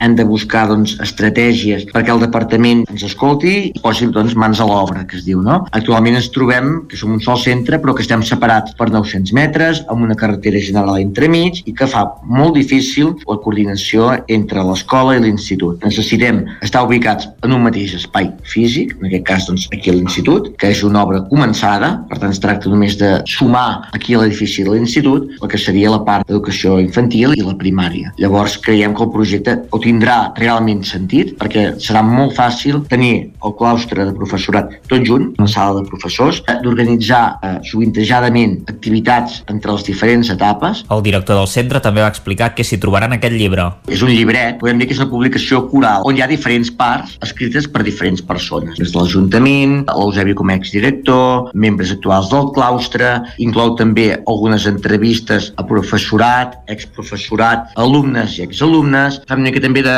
de, de perspectiva de centre, recull d'alguna manera els millors moments o aquells moments més destacats durant d'aquests 10 anys que ens han portat aquí on som. També s'inclouen algunes imatges que representen aquests moments. Al llibre també s'hi trobaran els projectes que es treballen al centre i al final de tot té tres pàgines en blanc perquè els alumnes puguin explicar la seva història i vivència del centre. La publicació també es podrà consultar a través de la pàgina web de l'Institut Escola. A més, Mercè va explicar que han compost una cançó que representarà el centre en coordinació amb l'Escola de Música del Ripollès, que té una tornada molt bonica amb diferents idiomes. I continuem a Sant Joan de les Abadeses. Marina Garcés presentarà el seu llibre Escola d'Aprenents al Palau de l'Abadia. Isaac Muntades, des de la veu de Sant Joan. Just després de la presentació del llibre 10 anys de l'Institut Escola Mestre Andreu, el Palau de l'Abadia de Sant Joan de les Abadeses acollirà la presentació d'una segona publicació. En aquest cas es tracta del llibre Escola d'Aprenents de la filòsofa barcelonina Marina Garcés, que és un assaig sobre l'educació com a art i eina per treballar el futur dins i fora de les escoles. De fet, cal destacar que la relació de Garcés amb el poble ve de 15 anys enrere, quan va començar a estiuejar a la casa de turisme rural al Reixac. Ella afirma que una part dels llibres que ha escrit ha estat a Sant Joan durant l'estiu. Escola d'Aprenents també compta amb un toc Sant Joaní, ja que la portada on hi ha la il·lustració d'una làmpada que podria ser la d'un estudiant o un taller és obra del propietari de l'establiment rural, Ferran Miquel. Garcés va destacar que tots som estudiants durant un moment de la nostra vida quan seguim una educació formal. En canvi, el fet de ser aprenents va més enllà de l'educació i també es manifesta amb les relacions socials i la vida en general. Tot i això, és una paraula que tampoc s'ha d'idealitzar, com diu la filòsofa filòsofa. I els oficis creaven aquest vincle, sovint jeràrquic també, no a vegades el romantitzem com a molt bonic, mestre i l'aprenent, també eren relacions de subordinació, de jerarquia, d'explotació, però bueno, eh, sent conscients que les relacions sempre es donen en aquests contextos i les podem canviar, sí que hi havia aquesta idea de prendre al costat d'algú allò que sap o allò que fa, i que per tant doncs, eh, en aquesta relació desigual de convivència passen coses que ens poden arribar doncs, a convertir en iguals, no? com fer iguals els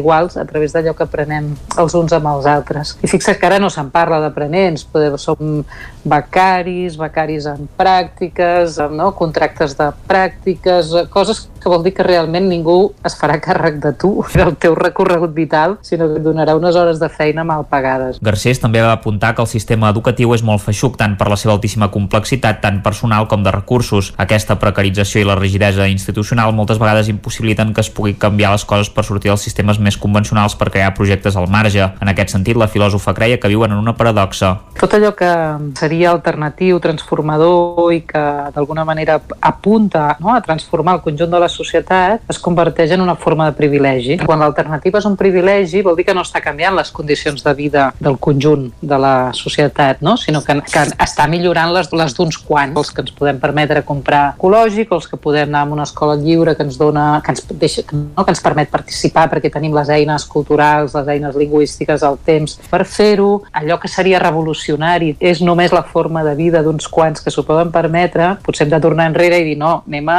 anem a canviar les condicions de vida. Aquest llibre està adreçat a tothom i no només als mestres o docents. El grup de teatre de Xalles 81 guanya tres premis al 32è concurs de teatre amateur Ciutat de Tàrrega i l'obra Adolescent 2055 és escollida com a millor espectacle no escolar en la 18a edició dels Premis Buero Vallejo de Teatro Joven. Caral Campàs, des d'Ona Codinenca. El certamen de Tàrrega, organitzat pel grup de teatre BAT, s'ha allargat dos anys. Les dues primeres obres es van poder representar el 2020 i les altres quatre aquest 2021. L'entrega dels premis del 32è concurs de teatre amateur Ciutat de Tàrrega es va fer el dissabte 29 de maig al restaurant La Granja en un format reduït a conseqüència de la pandèmia i el grup de teatre amateur de Sant Feliu de Codines va rebre tres guardons. El tercer premi a millor grup amb l'obra Aquí no paga ni Déu, el primer premi a la millor direcció per Josep Canet i el primer premi d'actor de repartiment per Sergi Capdevila. D'altra banda, l'obra Adolescent 2055 de Roberto Santiago Santiago i dirigida per Josep Canet ha estat premiada com a millor espectacle no escolar a la fase regional de la 18a edició dels Premis Buero de Teatro Joven i ara passarà a competir a la fase nacional. En la fase autonòmica d'aquest concurs, els jurats escullen els muntatges guanyadors de cada comunitat autònoma. Posteriorment, a la fase nacional, el jurat designa d'entre tots els guanyadors autonòmics els quatre millors muntatges per representar les seves obres dins la setmana de Teatre Jove en un teatre de Madrid. Esports. L'atleta resident a Lleida, Yad Lamdassen i Carolina Nadolska guanyen la mitja marató de Granollers. David Auladell, de Ràdio Televisió, Cardedeu. Ayat Lamdassen ha guanyat la 35a mitja marató de Granollers en categoria masculina, amb un temps d'una hora i 3 minuts i 31 segons. L'atleta és d'origen marroquí, però viu a Lleida des de fa dues dècades i és plusmarquista espanyol a la marató. Al darrere d'ell han arribat Javi Guerra, tricampió d'Espanya de marató i bicampió de mitja marató. 13 segons més tard, el marroquí Youssef Benhadi amb una hora 4 minuts i 9 segons. A més, un dels veterans de la cursa Reyes Estevez ha aconseguit la 14a posició amb una hora 9 minuts i 20 segons. En categoria femenina, l'absència l'absència de la portuguesa Sara Ribeiro per problemes amb el visat ha afavorit Carolina Nadolska. La polonesa doble campiona en el seu país en els 5.000 metres s'ha imposat amb un crono d'una hora 11 minuts i 27 segons. Segona a dos minuts de la campiona ha estat la manresana Meritxell Soler. L'alicantina Gemma Barratxina ha aconseguit el tercer lloc a 3 minuts de Nadolska. 3.000 corredors han pres part en aquesta competició, el màxim permès per les mesures de prevenció de la Covid-19, amb sortides esglaonades en grups de 600 corredors, separats per línies de 7 atletes per evitar aglomeracions. Lluïsa Parrilla, presidenta del Club Tenis Manlleu, va morir aquest diumenge als 50 anys, després de mesos de malaltia. Parrilla, que havia accedit a la presidència del club l'any 2018 encapçalant una nova junta integrada per una quinzena de persones, havia volgut donar a l'entitat una direcció col·legiada i potenciar no només el vessant esportiu de l'entitat, sinó sinó també al social. Persona molt apreciada a Manlleu, la seva defunció ha estat molt sentida al club. Avui a dos quarts de 12 del migdia se li dirà un últim adeu amb les exèquies que se celebraran a l'església de Santa Maria de Manlleu. I fins aquí el butlletí informatiu de les 10 del matí que us hem ofert amb Vicenç Vigues, Clàudia Dinarès, David Auladell, Caral Campàs i Isaac Muntades. Ara el que toca és parlar de nou del temps.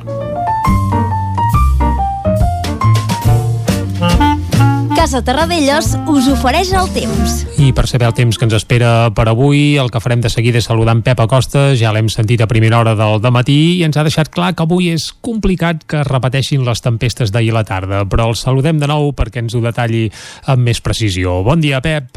Hola, molt bon dia. Molt bona hora. Pel que fa a la informació meteorològica, ahir novament vam tenir aquestes tempestes al sector eh, nord de Catalunya, al nord-est de Catalunya, entre el sud del Ripollès, eh, Osona, eh, nord del Vallès Oriental, eh, cap a la Selva, cap a la Garrotxa. Mm, aquest lloc és típic, típic de tempestes, i és que fa molts dies eh, que creixen els nuvolats en aquestes zones.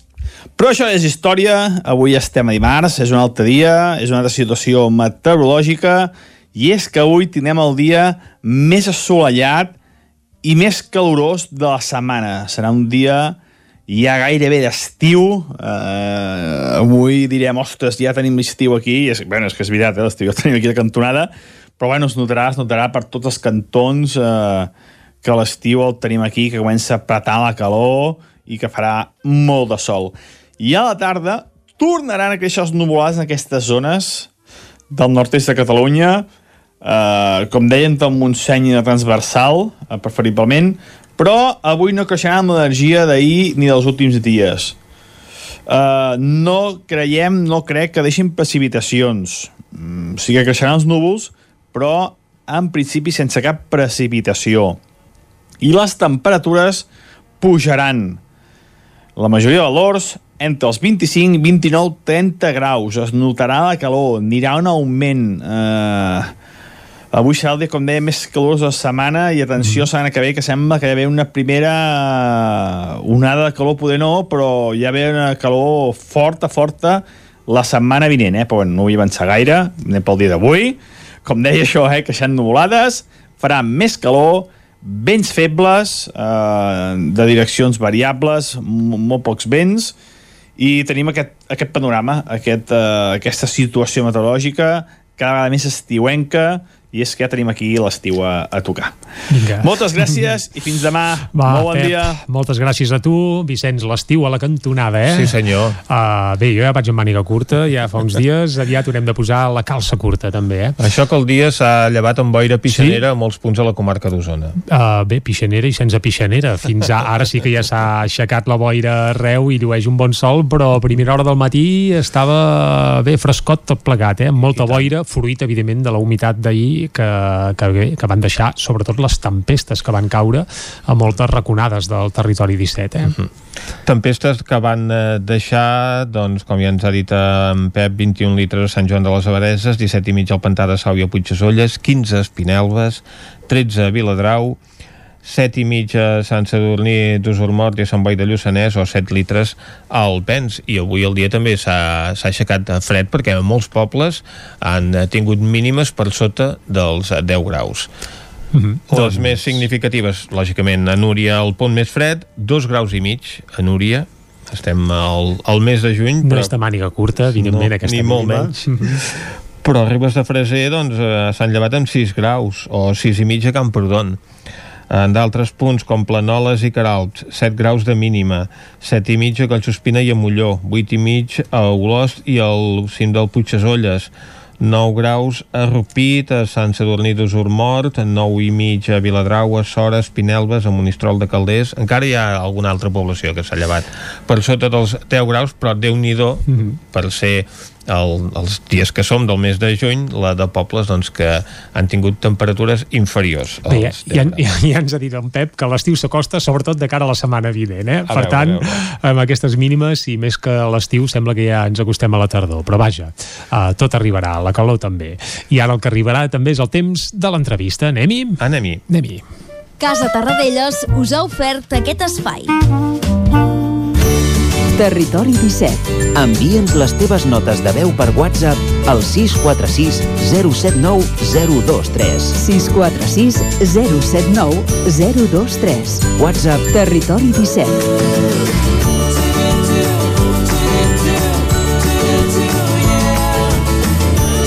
Territori 17.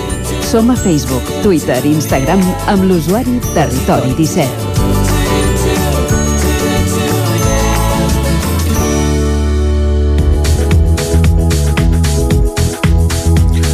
Ara mateix passa mig minut d'un quart d'onze al pati del Casal de la Gent Gran de Cardedeu acollirà el proper dissabte 12 de juny les jornades Coeducació més enllà de l'escola. El programa d'actes inclourà concerts, monòlegs i xerrades. Però atenció que cal inscri- inscripció prèvia per poder assistir a totes aquestes activitats, o sigui que n'anem a conèixer més detalls. Anem a Ràdio Cardedeu, on ens espera l'Òscar Muñoz. Bon dia, Òscar. Bon dia, Vicenç. Doncs sí, eh, avui parlarem amb la Mariona Martín, eh, tècnica de serveis personals de l'Ajuntament. Bon dia, Mariona. Bon dia. Amb aquestes jornades ja es farà el tancament del projecte Coeduca que s'ha implementat durant aquests quatre anys a les escoles de Cardedeu? Sí, hem estat quatre anys uh, fent aquest projecte de coeducació, de formació a totes les escoles, des de la Bressol fins als instituts de Cardedeu, que va finalitzar l'any 2020, però com que estàvem en pandèmia no vam poder fer les, les jornades de tancament i doncs les fem aquest any. Uh -huh. I aprofitem per obrir nous espais de, de debat i nous temes de debat des de la mirada coeducativa. Al, començament d'aquest projecte la gent li costava d'entendre que hi hagués aquests micromasclismes, aquestes diferències de gènere a les aules i l'altre dia es va fer la projecció d'un documental. Quina, quina valoració en feu del projecte d'aquests quatre anys? Home, molt positiva. Uh, el projecte d'aquests quatre anys no només el vam fer, sinó que el vam acompanyar d'una avaluació constant a totes les escoles, a totes les fases del projecte de cada any, i en el que es recollien sistemàticament tots indicadors d'impacte. No? I llavors, d'alguna manera, tenim la certesa doncs, que uh, hi ha hagut una modificació de la mirada entre els alumnes, entre els professors, eh, des de l'inici del projecte fins al final, cap a una millora, una mirada més des de la igualtat de gènere i més coeducativa i més des de l'empatia i la comprensió de les opressions i de les discriminacions que pateixen persones que conviuen amb nosaltres al dia a dia i que potser no, no n'érem del tot conscients. I crec que bueno, sabem que el projecte ha anat bé, que ha tingut impacte i que val la pena seguir, seguir treballant. Què és el que més va sobtar a, a la gent amb aquest documental? Hi va haver alguna anècdota? Quines van ser les sensacions? Bé, jo crec que el, el documental està bé perquè uh, t'ensenya des de la part més, més humana, més emocional, com alguns protagonistes d'aquests anys han, han viscut el, el documental, no? Uh, el documental explica aquesta part emocional, nosaltres hem fet altres documents més tècnics, però jo crec que està molt bé el, el documental perquè pots, això, empatitzar, no? entendre que hi ha hagut persones que, que directament han rebut un impacte positiu doncs perquè han pogut canviar la seva pràctica professional o perquè, per exemple, s'han sentit més recolzats pels seus companys o perquè han pogut eh, modificar actituds que tenien i que no tenien cap importància per ells, però que a través d'aquest programa doncs, s'han adonat doncs, que, doncs, que sí que en tenia pels altres i que valia la pena doncs, ficar-hi atenció i ser més respectuós i més empàtic. Uh, aquest projecte ha marcat l'educació a Cardedeu i, i a partir d'ara com, com s'aplica i com es fa el traspàs al personal docent nou que mai ha ensenyat amb aquesta perspectiva de gènere? Clar, el projecte eh, s'ha fet sempre amb la complicitat de les direccions, que és veritat que poden ser canviants, però eh, ha impactat en tot, la, en tot el claustre i sobretot en les direccions. Llavors, a més a més, com per no dir que és un projecte tancat, ja ho hem fet ens oblidem d'això, el que, el que farem és donar-li continuïtat a través d'unes hores, d'una bossa d'hores que cada, que cada escola i cada institut podrà fer servir doncs, per si volen tirar altres projectes coeducatius o per si realment, per exemple, han tingut una renovació dels claustre i valoren que necessiten una, una formació o un refrescar o, se, o es plantegen mm, noves intervencions a, a l'escola i, i necessiten doncs, això, suport tècnic doncs, per tirar-ho endavant. El projecte seguirà sent present a través d'una bossa d'hores els, els propers anys. Ara ens anem a les xerrades que, que podrem assistir aquest dissabte. Eh, es veuen clarament tres eixos, no? Eh, són la transformació feminista des de la cultura, la visibilització, reivindicació, igualtat treball, en el treball de cures i la feminització de l'esport. Eh, són aquests els temes que cal, cal més treballar-hi o que he posat aquest, en aquest any més focus o quina és la vostra intenció? Mira, el, el, la proposta de les jornades era ampliar cap a nous àmbits, no? Pensar la coeducació mm, des d'àmbits on no estem tan acostumats a, a posar-hi atenció, aprofitant doncs, accions que ja s'han fet i projectes que d'alguna manera Cardeu ja han començat a caminar en aquest sentit, no? I que també en un context de, de pandèmia um, s'havien vist com la necessitat de, de reforçar i de realçar, per exemple, les cures el treball de cures ha sustentat durant mm -hmm. tota la pandèmia. Hem depengut d'aquests uh, treballs de cures, de gent que ha netejat, de gent que ha desinfectat, de gent que ha cuidat, de les uh, treballadores de residències que s'han tancat a dintre amb els usuaris. Llavors, un treball uh, que està més precaritzat i que està més feminitzat, d'alguna manera ficar-lo en valor no? i veure quina mirada de gènere té això, que és que majoritàriament doncs, són sous més baixos, més precarietat, més treball en negre, etc. També alhora a Cardedeu eh, s'han fet accions eh, per revertir una miqueta això, com ha sigut la municipalització dels serveis de neteja de Cardedeu o també ara la inter... Mm, el, fer públic el servei d'atenció domiciliària. I aquí es veia clarament doncs, que era algú a ficar en valor de forma pública i, i cada cop doncs, intentar dotar de, més prestigi a, a feines que normalment no, que no ho han tingut. En l'àmbit d'esports, també el Coeduca ja hi ha ficat una pota a, a l'àmbit d'esports. L'any passat, pels casals, es va fer tota una formació de monitoratge de cara als casals d'estiu, enguany es torna a fer i mica en mica també es anirà treballant uh, la igualtat de gènere i la transaccionalitat en aquest àmbit i la cultura una miqueta pel mateix. Ens han salvat els treballs de cures i ens ha salvat la cultura que s'ha ficat a disposició de tots nosaltres tot aquest temps. I també veiem pues, l'oportunitat doncs, doncs, um, de ficar sobre la taula quin paper juguen les dones i de quina manera reben i produeixen la cultura les dones. I, i, i bueno, veiem aquestes necessitats de, de, de donar-hi veu i de, i de repensar-ho també arran dels escàndols que hi va haver a Lleida, a l'Institut del Teatre i a tants altres acadèmies i col·legis artístics, doncs, que a vegades es donen moltes formes de violència que, que potser no en som del tot conscients. Perquè la pandèmia ha, ha suposat també una oportunitat per, per aquest projecte. Segurament ha estat un entrebanc perquè, com ens comentaves, doncs no, no s'han pogut complir els calendaris previstos i ara es fan aquestes jornades que eh, en unes altres circumstàncies aquests últims mesos no s'havien pogut dur a terme. Però també ha permès, doncs, això que ens comentaves, visibilitzar determinades feines que no eren prou reconegudes en l'àmbit social, però també en l'àmbit laboral eh, a nivell general, on tots hem set conscients a la dependència que tenim precisament d'això, no? de determinades activitats laborals que en condicions normals no teníem prou reconegudes però que en el nostre dia a dia són essencials. Home, jo crec que uh, en alguns casos sí que s'ha donat més visibilitat, però en d'altres tampoc no ha canviat estructuralment la manera de, de relacionar-nos amb aquestes cures. Vull dir, les, les dones de la neteja als hospitals segueixen sent uh, mal pagades, segueixen sent les que han rebut el plus més baix aquest que es va donar per Covid, que han cobrat més els metges, mm, després infermeres, després personal de, de neteja. Uh, no sé, les, les venedores del supermercat, uh, de les caixeres, que en un moment es va considerar que eren essencials i que per tant havien d'anar a treballar sí o sí, eh, ara tampoc no estan a dintre dels col·lectius eh, prioritaris de vacunació, no? Uh -huh. I llavors jo crec que hi va haver com un boom de visibilització, però que després potser no s'ha produït amb, amb, amb mesures concretes. Uh -huh. mm, hi ha feina, hi ha camp per córrer.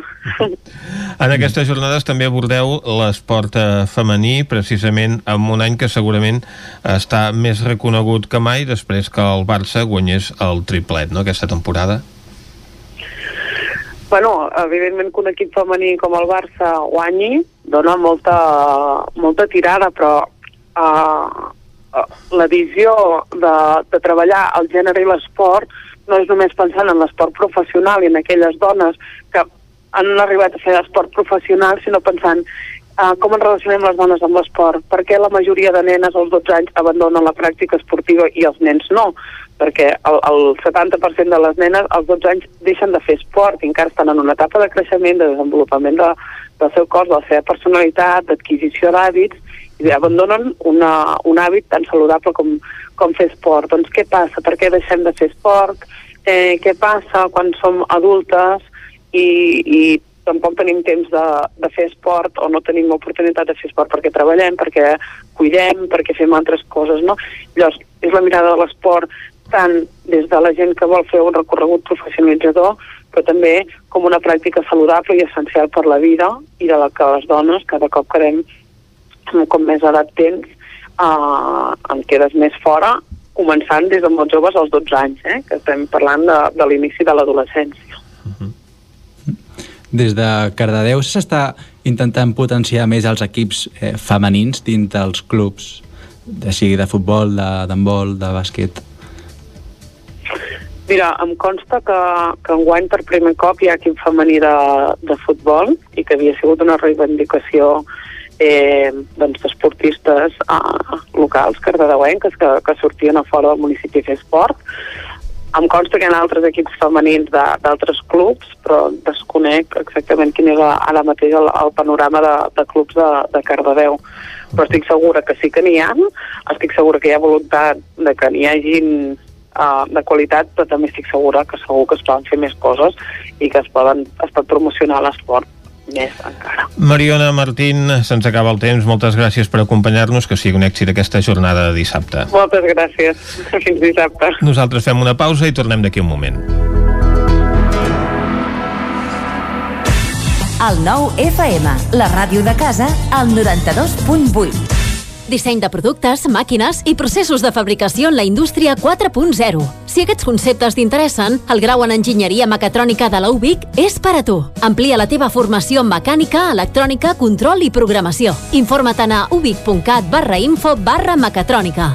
Universitat de Vic, Universitat Central de Catalunya. Nou Baviera. La nostra proposta és senzilla, plena de sabors i valors. El nostre èxit és la senzillesa de la nostra carta amb productes frescos, de primera qualitat i de quilòmetre zero. Som especialistes en frankfurts, hamburgueses 100% de carn de vedella, entrepans i una de les millors patates braves de tot Vic. Amanides, plats combinats, tot al teu gust. Nou Baviera. Ho fem per tu com si fos per nosaltres. Som al carrer Verdaguer número 36 de Vic. Impremta Mater, el servei de particulars i empreses. Fem catàlegs, llibres, papereria corporativa, targetes, fulletons i també venem material d'oficina i escriptori, bolígrafs, arxivadors, grapadores, llibretes i molt més. Mater Impressors des de 1957. Impremta Mater. Ens trobaràs a la carretera de Sant Hipòlit, número 23 de Vic i a la impremtamater.com. Sonocar, empresa dedicada a la compra i venda d'automòbils amb més de 20 anys d'experiència. Els nostres vehicles són completament revisats abans de la seva entrega. Quilometratge certificat amb la garantia exclusiva de Sonocar. Financem el 100% del vehicle. Vine a conèixer-nos i t'assessorarem. Sonocar, ens trobaràs a la Rambla Josep Tarradellas, número 2 de Vic, al telèfon 93 883 31 28 i a sonocar.cat.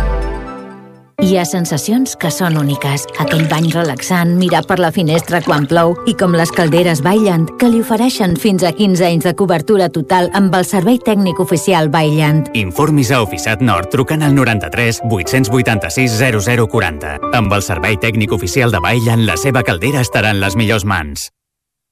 A Corretja tenim tot el que necessites per la teva llar. Tot tipus de paviments i revestiments, sistemes d'aïllament, cobertes, parquets, aixetes, ferreteria, pintures, fixació i cargoleria, vestuari i material de seguretat. Disposem de més de 3.500 metres quadrats d'exposició amb una nova zona exterior d'aïllaments. A Corretja som especialistes en cuines i banys. Us assessorem, dissenyem i realitzem el projecte des de l'inici fins a la fi del muntatge. 100% cuines, 100% banys. Al carrer Mas Vigues 8 de Vic, a corretja-sl.com o a Instagram. 100% materials per la construcció i la decoració. 100% corretja. El nou FM, el nou FM, el nou FM.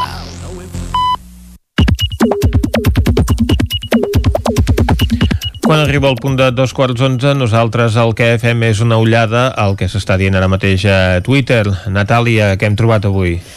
Bon dia, doncs avui parlem de la selectivitat, d'entrada perquè comencen aquestes proves d'accés a la universitat. Ara en parlarem. El Col·legi Sant Miquel feia aquest matí una piulada, avui els estudiants de segon de batxillerat comencen l'ESPAU. Des d'aquí els enviem el nostre suport a tots i totes d'una forma molt especial als estudiants de la nostra escola. Ànims i que tingueu bona sort. També l'alcaldessa de Vic, Anna R. D'aquí uns dies veureu que tot el treball, esforç, estudi i dedicació haurà valgut i molt la pena. Molta sort i ànims a totes i a tots els que avui comenceu l'ESPAU 2021. Recordem que Anna R. és docent de Exacte. professió. De Sant ha- Miquel. Exacte. Hi ha polèmica també a l'entorn dels exàmens de selectivitat perquè ahir es va saber que segons el Tribunal Superior de Justícia de Catalunya no es poden repartir en català per defecte. En relació a això, Núria Busquet Piula, estan fent una pinça d'aniquilació magnífica, des d'allà imposen el castellà i des d'aquí no fan res més res de res, perdó, per defensar-la. Sense la llengua i la cultura ens assimilaran en 3, 2, 1 i sense moure's del sofà. Aquesta és la jugada mestra, nens. També en Pep Carol, en quina llengua per defecte s'expressa el TSJ? Deixa aquest interrogant. I l'Arnau com a Joan diu jo sóc dels qui avui, si fes la selectivitat, demanaria l'examen en occità per pur friquisme. Una altra de les polèmiques d'ahir, un article de, uh, d'Oriol Junqueras que va generar doncs, un cert rebombori. Francesc Codina uh, piula en relació al que s'hi deia i a la polèmica també que ha generat dins de l'independentisme. Si alguna cosa saber perfectament amb el terme unilateralitat és l'actitud autoritària de l'estat espanyol enfront de la reivindicació catalana. Per aquesta raó resulta ben estrany que alguns l'hagin arribat a convertir en una mena de dogma estratègic de l'independentisme. En Carles Bassaganya diu després de les obres i que reobrís el túnel de Toses entre el Ripollès i la Cerdanya, el tren bala de Rodalies 3 arriba entre 6 i 9 minuts abans a l'estació de Ripoll, esperant-se fins a l'hora de sortir de les 7.18. Tot plegat demostra que si s'anés invertint aminoraria el temps de trajecte. Al ple de l'Ajuntament de Vic d'ahir hi va haver eh, un relleu. Eh, Pere Freixa va deixar la seva acta de regidor de Capgirem Vic i serà substituït per Marc Camacho i doncs, eh, hi ha hagut algunes piolades en aquest sentit, una de les quals del mateix Marc Camacho. Quan un deixa el llistó molt alt costa d'igualar-lo i en Pere Freixa és un d'ells. D'ell m'emporta una figura a la que emmirallar-se un gran amic i mestre. Agafo el repte de representar l'Assemblea de Capgirem Vic amb il·lusió, sabent que tampoc serà fàcil, entre totes, tot. Una altra piolada, en aquest cas de la Teresa Rossell, advocada, Uh, sobre el titular, PSOE, PP, Ciudadanos y el PRC se unen para apoyar la causa saharaui en el Parlamento de Cantabria. I Teresa Rossell diu, democràcia consolidada, exemple pràctic. El Parlament de Cantàbria recolza la causa saharaui mentre el Parlament de Catalunya té censurat parlar del dret a l'autodeterminació i de Felip VI. O sortim a defensar els nostres drets o aviat no hi haurà drets per defensar. També ens fan ressò d'una piolada dels companys de Ràdio i Televisió Cardedeu, que ahir, de fet, estaven d'aniversari i deien avui en fem 41, 41 anys de televisió local, històrica, pionera, amb la gent i per la gent comunitària. Contents de celebrar-ho amb vosaltres, perquè vosaltres ens feu seguir endavant, per tant, us diem i ens diem felicitats. I tant que sí. Llàstima que no es pogués celebrar fa un any la festa del 40è aniversari. Sobre la vacunació dels jugadors de la selecció espanyola, mm, hem trobat una piolada del company del 9-9, Miquel R. Vacunaran els jugadors de la selecció espanyola de futbol. I jo que pensava que tot allò de el himno, la bandera i l'escudo ja els immunitzava del tot. Va, home, va. En relació a la vacunació, també piula Agustí Danés, director editorial del 9-9. Durant l'any llarg que portem de pandèmia ens hem aficionat a crucificar polítics per la gestió de la Covid-19, a vegades amb raó i d'altres sense, però ara també seria de justícia reconèixer que la vacunació està funcionant bastant, bastant bé i tenim el peu al coll.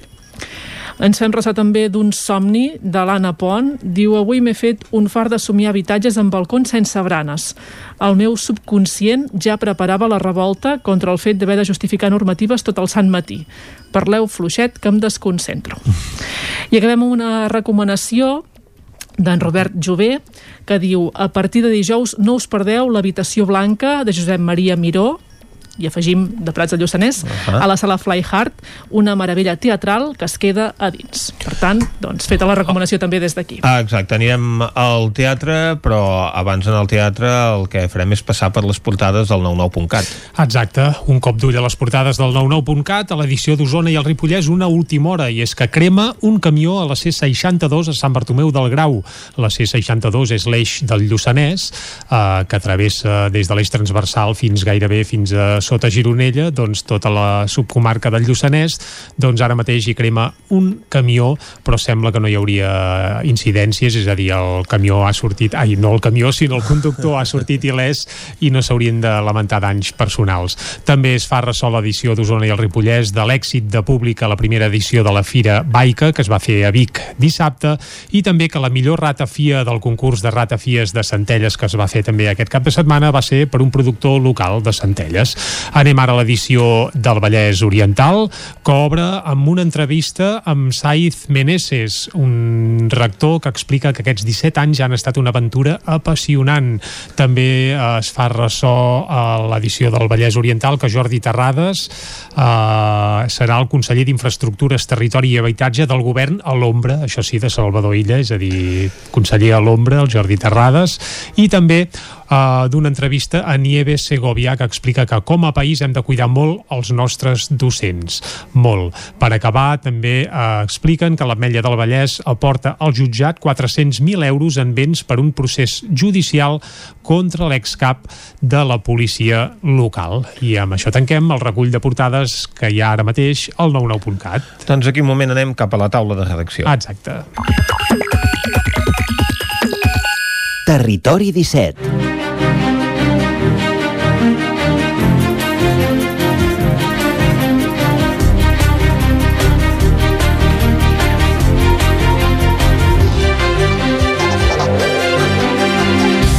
Avui a la taula de redacció comptarem amb la presència d'en Guillem Rico i en Víctor Palomar. Anem en directe cap a la Universitat de Vic perquè, com us hem comentat fa un moment i també al bloc informatiu, avui comença la selectivitat pels alumnes usonencs. El seu punt de referència és la Universitat de Vic i allà hi tenim en Guillem Rico per saber com es desenvolupen les primeres hores d'aquesta primera jornada de la selectivitat. Guillem, bon dia. Hola, bon dia. Doncs sí, som aquí al campus Miramar, és un dels dos espais on es fan aquestes proves de selectivitat eh, de la eh, de l'Osona. Els alumnes es reparteixen, com dèiem, entre el campus Miramarges, on s'utilitzen 40 aules, uh. -huh. i hi ha 6 aules més que s'utilitzen al, al campus, diguem, a la zona de Camp Bauman. Uh, Mhm. L'any passat es va utilitzar també el de la Torre dels Frares, perquè l'any s'ha reorganitzat, eh, també per les mesures Covid, perquè normalment només es feien servir Miramarges, l'any passat van fer servir tres espais i aquest any dos, però s'han fet servir més aules de d'aquests dos llocs. A primera hora s'ha fet el primer dels exàmens, que era el de llengua castellana, Uh, I ara, doncs això, ara han acabat, ara estan fent, diguem, la pausa entre els exàmens i el proper serà ja de matèries aquestes de, optatives de modalitat, que serien el de, el de Ciències de la Terra i del Medi Ambient, per una banda, Fonaments de les Arts per l'altra i Matemàtiques aplicades a les Ciències Socials, en funció de l'itinerari de batxillerat que facin els alumnes. Recordem que són uns 800 alumnes que s'examinen aquí a la comarca d'Osona,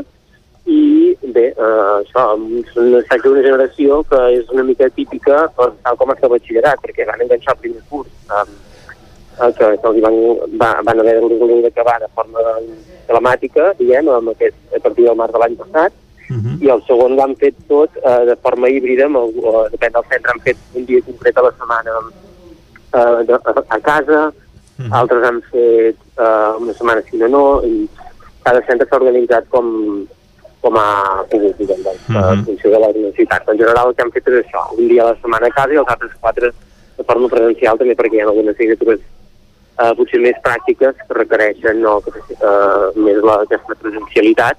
Això sí, els alumnes ens deien això, no? que també han perdut aquesta vessant social, no? de quan fas batxillerat, de, de conèixer gent nova, de sortir a la nit, de, de, de, de part social que, que no han tingut tant i que deien que s'han centrat molt amb els, amb els estudis, diguem, i que els ha costat mm, aquesta part de, més de, de desconnexió.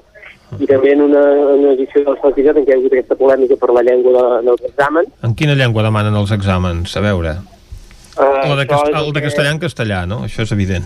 En castellà en castellà. Llavors aquí uh, la polèmica aquesta doncs, ha de veure doncs, cadascú com la, com la gestiona. Per tant, això, ara, ara parlarem amb alguns d'aquests alumnes, ara que han sortit el primer examen, per veure què, què, què ens expliquen de com, de com els ha anat, perquè de moment això, ara tot just ara sortien uh -huh. i estaven comentant la jugada aquí a fora del, diguem, el, els espais oberts de, de la universitat. Molts nervis en aquest primer dia de selectivitat. Exacte, i també usen unes proves que, que, que com l'any passat també s'allarguen quatre dies, recordeu que sempre eren, eren tres dies i uh, l'any passat i aquest doncs també per això, per les mesures Covid, per deixar més espai entre examen i examen, doncs es fan en quatre dies, per tant acabaran aquest divendres. D'acord, doncs eh, moltes gràcies, Guillem, molta sort a tots els alumnes que estan fent la selectivitat. I ara nosaltres canviem de temàtica i anem a parlar de la ple de l'Ajuntament de Vic d'ahir amb en Víctor Palomar, un ple carregat de punts. I no sé també, Víctor, si d'atenció després d'aquest pronunciament de l'oposició en bloc contra l'aparcament subterrani del Parc Maria Àngels Anglada. Doncs sí, era un ple que hi havia molts punts, la majoria es van resoldre doncs, amb força acord i consens, eh, i aquesta tensió soterrada que, que va, que, és, que va ser latent durant tot el ple doncs va eh, sortir sobretot en el torn de pregs i preguntes i va tornar a sortir els punts de discordància entre el govern i oposició que estan marcant una mica doncs aquestes relacions entre un i altre. El tema de la plaça de la Noguera el tema de l'aparcament soterrat al Parc Maria Àngels Anglada unes declaracions que la regidora d'Urbanisme Fabiana Palmero va fer al 9-9 en l'edició d'aquest divendres en què comparava aquesta eh, judicialització d'un tema polític eh, amb el procés independentista doncs va sulfurar eh, l'oposició i li van demanar al ple doncs, que, que retractés d'aquestes paraules i Fabiana Palmero va dir doncs, que això que es havien tret de context, que ella només eh, no comparava una cosa amb l'altra, sinó aquesta judicialització d'una decisió eh, política i que, que no volia comparar una cosa amb l'altra i sinó que es treia de context. Uh, aquest va ser uh, el, el punt de, de més tensió, també es va demanar per la plaça de la Noguera, també doncs, uh, la forma de comunicació que, que es fa des de l'Ajuntament de Vic, sobretot perquè no es va informar d'aquesta roda de premsa, que tres dels grups municipals, tres dels quatre grups municipals van fer una roda de premsa a la sala de la columna i els mitjans de comunicació de, de l'Ajuntament, com les xarxes socials, o no en van fer cap mena d'esment. De, Ells consideren que aquestes xarxes socials doncs, són institucionals i que per tant han d'explicar no el que fa l'equip de govern, sinó el que fa tots els membres de l'Ajuntament i també l'oposició. Uh, aquests van ser els moments en què, en què es van veure doncs, aquesta tensió, uh, hi van haver acords uh, uh, relatius doncs, a això també, expropiació dels turons del castell d'Emplanes, es va aprovar una moció de l'AMI, hi van haver diferents punts on hi havia acord, per tant serien el, el de la gestió normal, però sí que la relació entre govern i oposició doncs està eh, tensa. Eh, també per acabar-ho d'embolicar, doncs la setmana que ve hi ha aquest balanç de mig mandat de, de l'Ajuntament de Vic i també doncs, des de l'oposició retreien que, que fos eh, balanç de mig mandat de l'equip de govern i que no es donés veu en aquest acte públic que es farà la setmana que ve a l'Atlàntida a l'oposició. Eh, en fi, eh, aquesta és la, la situació actual de l'Ajuntament de Vic. On... Hi va haver canvis també, no?, en la composició de Cap Girem Vic, una altra renúncia d'un regidor. Hi ha la renúncia de Pere Freixa, un altre serà el tercer regidor doncs, que durant el, el mandat eh, és rellevat i es va anunciar en el seu moment i en el ple d'ahir doncs, es va fer el comiat i, i, i en el proper doncs, segurament ja va prendrà possessió el nou regidor de, de, de Capgirem Vic. Molt bé, doncs moltes gràcies, eh, Víctor, per aquest resum del ple d'ahir a l'Ajuntament de Vic, un ple novament que va ser telemàtic i amb aquest repàs a l'actualitat nosaltres tanquem la taula de redacció d'avui. Territori 17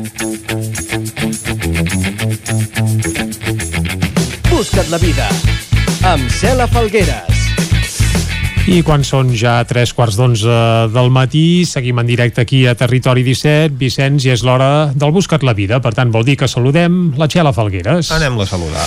Txela, molt bon dia. Doncs, molt bon, bon dia, dia, Jordi Vicenç. Què tal? Um, re, un nou programa uh, amb noves coses per aprendre i es escoltar històries de moltes persones diferents.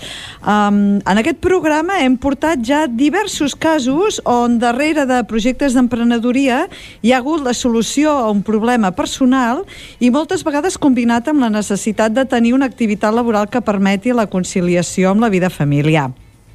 En el cas d'avui, Parlem amb la Raquel Pérez, que és la creadora del compte d'Instagram Que Coses Saludables, Que Coses tot amb, amb K, uh, que ens explica com es va iniciar en el món de la creació de les seves receptes saludables que comparteix a Instagram i que té una comunitat uh, molt activa. Ens parla també de quines són les tendències actuals que està veient ella en l'alimentació a través de les seves exploracions per inspirar-se en receptes i, per, i de veure com quins continguts s'estan publicant. I també ens parla de, de com arran d'aquest compte de què coses saludables saludable s'ha anat formant en el tema de la gestió de xarxes i de la publicitat a, a xarxes i els seus plans de futur. Si us sembla, anem a escoltar què ens explica avui la Raquel. Anem a escoltar. Anem-hi. Avui estem amb la Raquel Pérez, que és l'ànima de Què coses saludables. Moltes gràcies per atendre els micros de Buscar la Vida. Hola, buenos días. La Raquel uh, viu a Cardedeu, però uh, té les seves arrels i la seva cultura a Canàries, però com que ens entén perfectament hem decidit que ella parlarà en castellà, amb un accent fantàstic de les illes, i jo parlaré en català, que així ens entendrem millor. Raquel, com et definiries? Qui és la Raquel? Soy madre y eso me ha, me ha marcado mucho. Eh, la verdad, en mi trayectoria en los últimos años, porque compaginar la vida laboral y la maternidad es bastante complicado, sobre todo sin familia. Mi familia está en Canarias y la de mi marido está en País Vasco, así que prácticamente estamos los dos solos. Soy una persona muy extrovertida, sociable, soy cariñosa y bueno, también tengo mi punto perfeccionista y bastante organizadora. Tu vas venir a Cardedeu fa uns set anys. Uh, com va néixer la, la idea de crear ¿Qué cosas saludables? Bueno, porque yo desde hace muchísimos años tenía problemas intestinales. Bueno, en realidad, mmm, a ver, las mujeres solemos padecer a veces o de, with o de cistitis o de candidiasis. Pues yo tenía candidiasis un poco dos, tres veces al año, muchas mujeres hemos tenido, vas al ginecólogo, te hace una citología y te manda unos óvulos. Perfecto, desde hasta ahí. Hasta que empezó a ser un poco más recurrente y cuando conocí a mi, a mi marido, él precisamente, bueno, es osteópata y está metido en todo el mundo de, la salud, también es nutricionista, me dio un libro de Carla Cervera y ella incidía mucho en esto, tiene un capítulo de que se podía tomar y que no, para trabajarlo desde la alimentación. Estoy hablando de aquella época por el 2011, 2012, no habían redes sociales, no conseguías recetas, no había nada. En aquella época mm, llamo dieta, pero en realidad no dieta porque es algo de salud restrictivo, pero no podía podía tomar carne, pescado, algunas frutas, cereales, legumbres sí, pero ni refinado, ni azúcares, ni gaseosas. Entonces, claro, ni café, ni lácteos, se volvía todo muy complicado. Ahora con las redes, si tienes que hacer una dieta tan restrictiva, hay un montón de posibilidades, pero en aquella época no. Entonces, como yo hacía recetas de este tipo, hace más o menos dos años una amiga me dijo, tienes que hacerte el Instagram, tienes que poner recetas, porque, porque son muy difíciles de conseguir y, y yo no, no, no quiero redes sociales, eso lleva mucho tiempo y bueno, al final empecé y, y me enganché y, y me he formado profesionalmente en gestión también de redes sociales, Facebook Ads y ahí estoy. O sigui, vas buscar la solució pel teu problema i després va arribar un moment que vas dir ei, que potser també hi ha gent que està en el mateix vaixell que jo i necessita potser també fer una comunitat per compartir, no?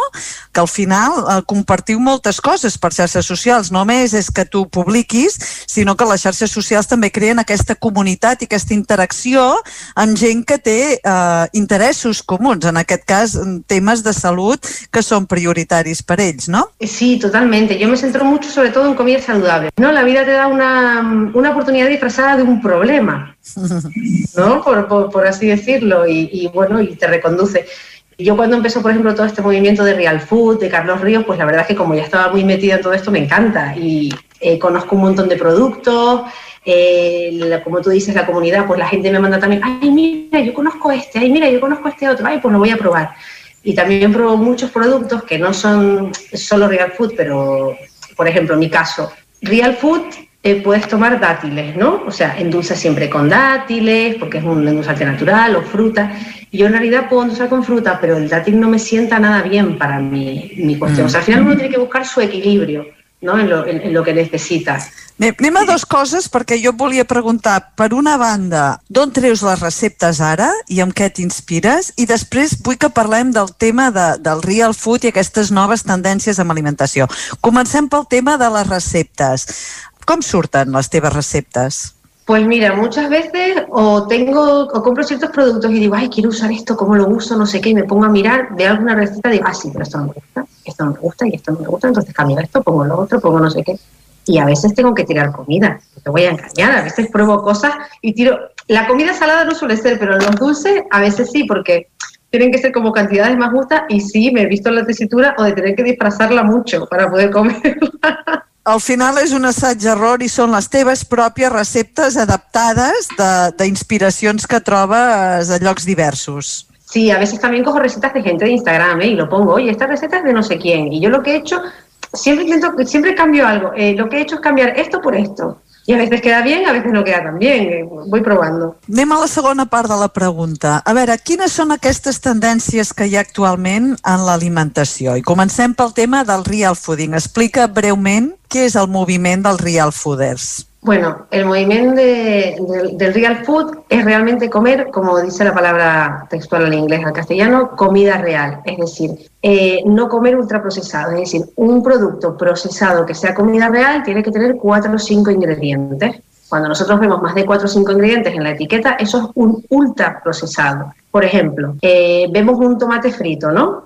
Que el tomate frito lleva solo, me lo invento, ¿eh? Lleva tomate, lleva aceite, lleva sal y imaginemos que tiene un picadito de cebolla. Bueno, son cuatro ingredientes bastante naturales. Pero cuando empezamos a ver que lleva azúcar añadido a- y además el azúcar te lo disfrazan, hay como 15, te diré, o 20 nombres para nombrar al azúcar. Y hablamos siempre del azúcar extra, no del azúcar que viene en los alimentos.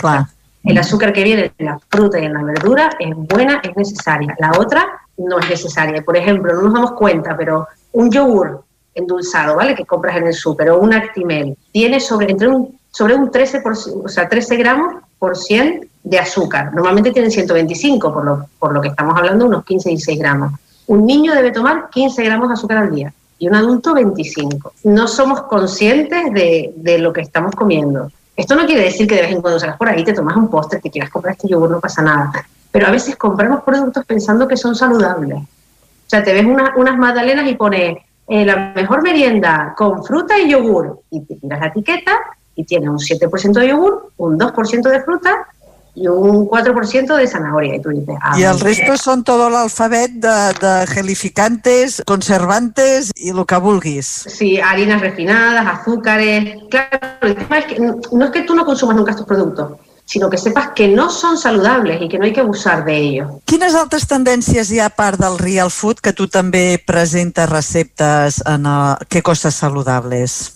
Pues mira, la verdad es que ahora está poniéndose muy de moda todo el tema keto, que es sobre todo proteico, ¿no? Quitando hidratos. Yo no soy partidaria a eliminar cosas porque sí, porque pienso que, que después el cuerpo te puede hacer un efecto rebote cuando vas introduciendo. En mi caso, por ejemplo, con el, con el tema candidiasis in- eh, digestiva, sí que tienes que quitar azúcares, eh, levaduras y harinas refinadas, sobre todo. Entonces, a mí se me va muy bien. Por ejemplo, yo hago un pan de eh, harina de almendras y con mantequilla, o sea, yo no, no me quito el azúcar por adelgazar, me lo quito por salud, porque vamos, la mantequilla engorda como lo que más, ¿no? y la almendra también, los frutos secos son contundentes, por así decirlo, ¿no? Son muy saludables, pero son contundentes. Ese pan está buenísimo y claro, me ahorro la harina refinada y la levadura. A part de la keto, també hi ha tot el moviment vegà, no? Sí, també. Tens també. bastantes receptes veganes. Com treballes tu la comunicació per tot el que sigui combinar les tendències, però que al final hi ha d'haver aquest missatge de saludable, no? Perquè dius tu, el keto es pot fer, però potser s'ha de fer amb un control mèdic o s'ha de fer amb unes condicions que la gent no s'agafi les dietes per la seva banda i, i s'espatllin al final la salut. Yo lo que creo que al final, ¿no? Cuando uno entra en un perfil de Instagram, al final, por lo menos es lo que yo hago, no entro, miro y me guardo, no sé, las recetas que, que, que te llaman la atención. Pues habrá quien le llame la atención los donuts que no llevan azúcar porque son de plátano, eh, y habrá quien le llame la atención, pues, eh, las quiche, porque la verdad es que son súper fáciles de hacer, las quiche son súper socorridas. Yo es que la verdad las, las hago muy a menudo, pero habrá quien no quiera abusar de, no sé, pues por ejemplo del lácteo y se vaya a una lasaña vegana. O sea, hay un poco de todo, hay de lo que me apetece hacer, no, no, no me centro en nada en concreto. Quines serien les teves receptes top, les que veus que triomfen més? Alguna recepta que hagis publicat i que hagis dit, uau, això ho he patat. Bueno, al principio de publicar Instagram, que yo no tenía ni idea ni de horarios ni de nada y tal, hay una como que, no sé, la décima que publiqué algo así, que fue una tarta que tuvo, no sé si tenía en plan 50 seguidores y tuvo 10.000 eh, de alcance, o sea, o sea, no sé, no sé qué pasó. Instagram también va trabajando como quiere y cada vez es mucho más difícil crecer. eh, entonces lo que importa es hacer comunidad, que la, que la gente que tú tengas interactúe. No, no importa realmente la cantidad de seguidores, sino la calidad de los seguidores. Entenc que Instagram és la teva porta a fer aquesta comunitat, a trobar persones que et segueixin. Com t'han ajudat a les xarxes? Tens web, no tens web o de moment només tens Instagram? No, no, no tengo web, solo, solo tengo Instagram. Realmente esto, esto nace desde un lugar de hobby, pero luego me he dado cuenta, como llevo un año especializándome precisamente en, en Instagram, gestiono las redes de mi marido a nivel profesional, eh, me he formado también en Facebook Ads, que es todo el tema cuando vemos publicidades, ¿no? Que nos saltan ahí en las stories o en el feed, ¿no? En todo ese tema. Y la verdad es que es un mundo que me gusta, me gusta un montón, lo veo muy, muy factible para coordinar esa, esa vida eh, familiar, poder estar por el, por el peque, ¿no? Porque al final te haces tus horarios, ¿no? Te puedes combinar como tú quieras. Y la verdad es que lo veo como, no sé, es un potencial. Lo hemos visto en el trabajo de mi marido, por ejemplo, él sí que hace los escritos porque es un tema de salud y al final es su imagen de marca y tiene que, presentar pues su forma, su, su identidad, pero yo le ayudo con todo el tema planificación, pues a lo mejor eh, lo que es imagen, eh, lo que es calendario, pues, pues todo ese tema detrás que además yo veo una persona autónoma sola y llevando un Instagram profesional es mucho tiempo, Sí. muchísimo tiempo el que hay que dedicarle. Abans de dedicar-te a les xarxes i començar amb aquesta vessant més de hobby, però que mm, al final també tens tota una feina professionalitzada,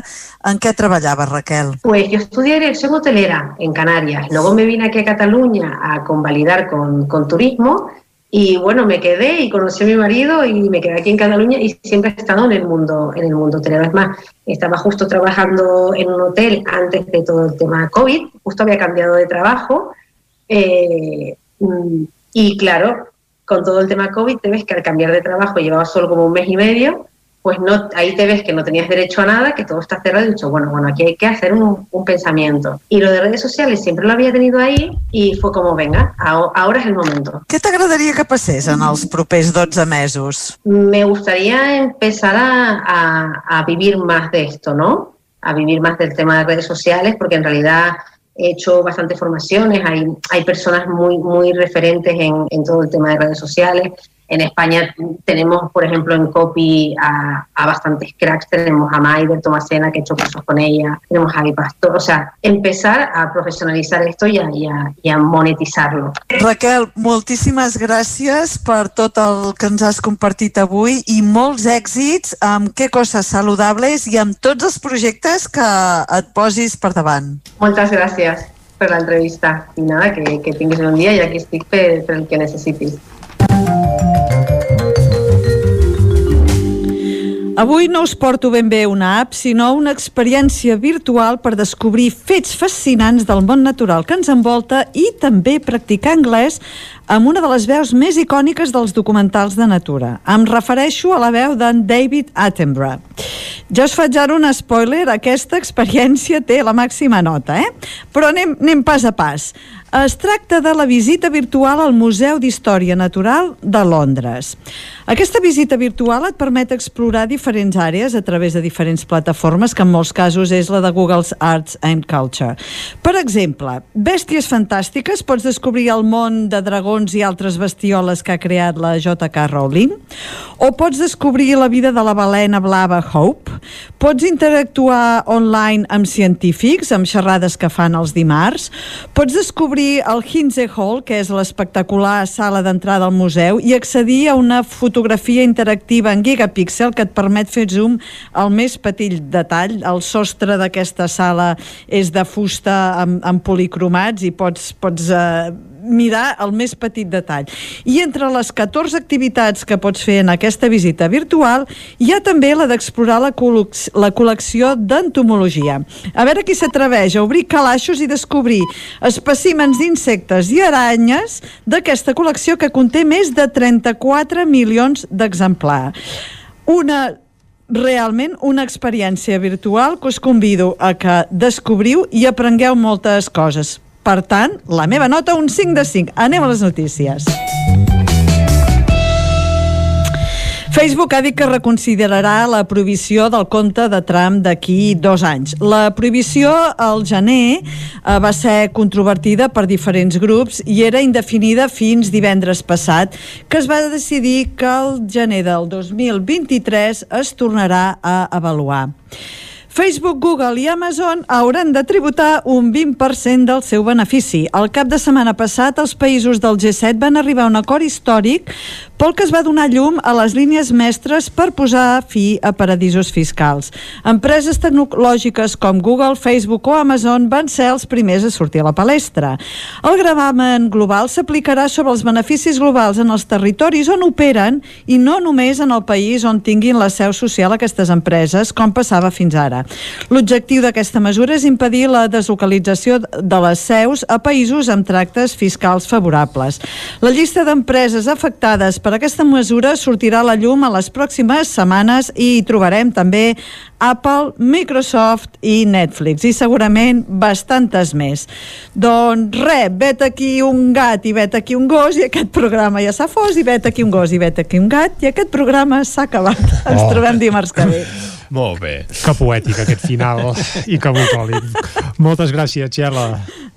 Que vagi molt bé. Vinga, dimarts que ve, més i nosaltres aquí a Territori 17, quan passen gairebé dos minuts de les 11 del matí, el que farem és ara mateix acostar-vos de nou l'actualitat de les nostres comarques, les comarques del Ripollès, Osona, el Moianès i el Vallès Oriental. Territori 17, amb Vicenç Vigues i Jordi Sunyer.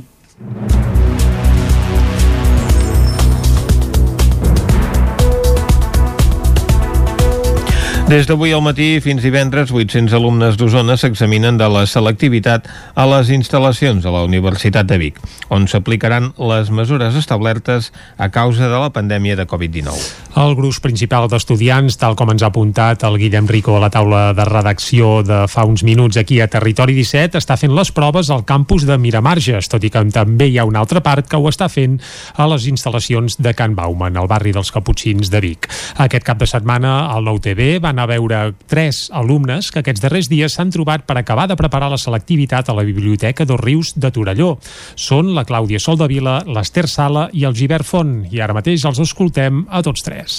Um, bueno, igual que tots una mica anar estudiant, fent el que podíem, sobretot el temari que no hem pogut acabar de fer, repassar-lo molt perquè és potser el que portem una mica més fluix i l'altre és com un repàs més general. Les matèries comunes ho fem bastant junts i les altres anem fent per si ens sorgeix algun dubte ens ho demanem i ens ajudem, sí. Hem, hem estat fent classe presencial tota la setmana menys un dia que el fèiem a casa i quan ens confinàvem eren 10 dies a casa i després un altre cop, un dia per setmana. Els estudiants tanquen un batxillerat atípic, marcat pel coronavirus, els confinaments i les classes telemàtiques. I ara, fins divendres, els arriba el torn de la selectivitat. Camp de Bànol farà una campanya perquè els propietaris de gossos sensin els seus animals. Isaac Muntades, des de la veu de Sant Joan.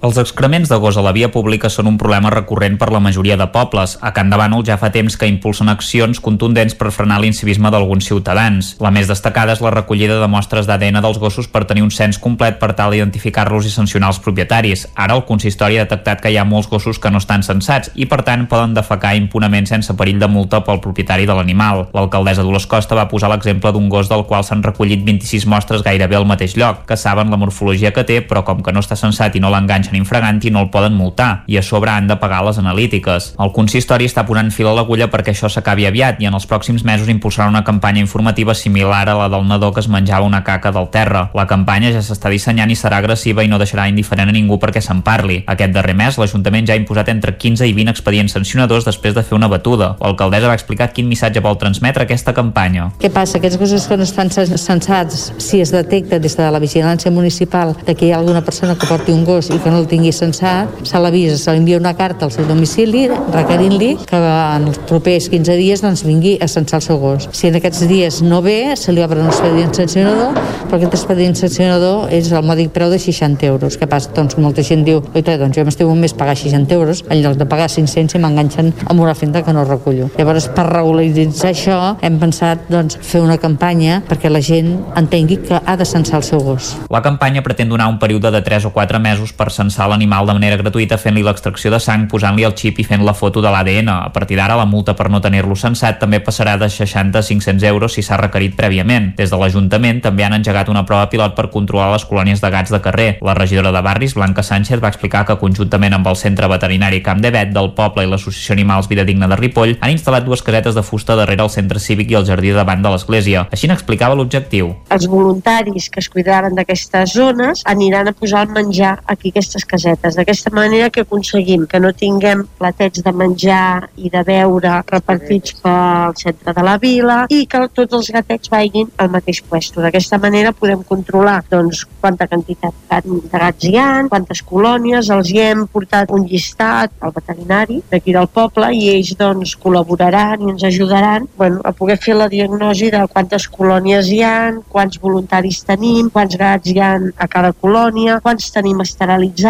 Així evitarem doncs, que les colònies de gats creixin. La regidora de la CUP, Mariona Baraldés, va felicitar el consistori. Ens hem trobat molts ajuntaments que són, bueno, no és que siguin, la paraula no és reacis, és que passen olímpicament de la problemàtica dels gats. I els gats de carrer són problema de l'Ajuntament. Llavors és important, i penso que aquí l'Ajuntament ha fet una feina molt bona i ja fa molt temps, no? que, que hi hagi un control de les colònies, que s'esterilitzin, que hi hagi eh, voluntaris que, que posin pinso i que no els hi posin coses crues. Penso que s'ha intentat controlar eh, aquesta bueno, problemàtica, no diria que cap davant no és problemàtica perquè s'ha aconseguit eh, controlar-ho força bé. Costa va comentar-li que diversos alcaldes del Ripollès li han trucat per interessar-se per la prova pilot.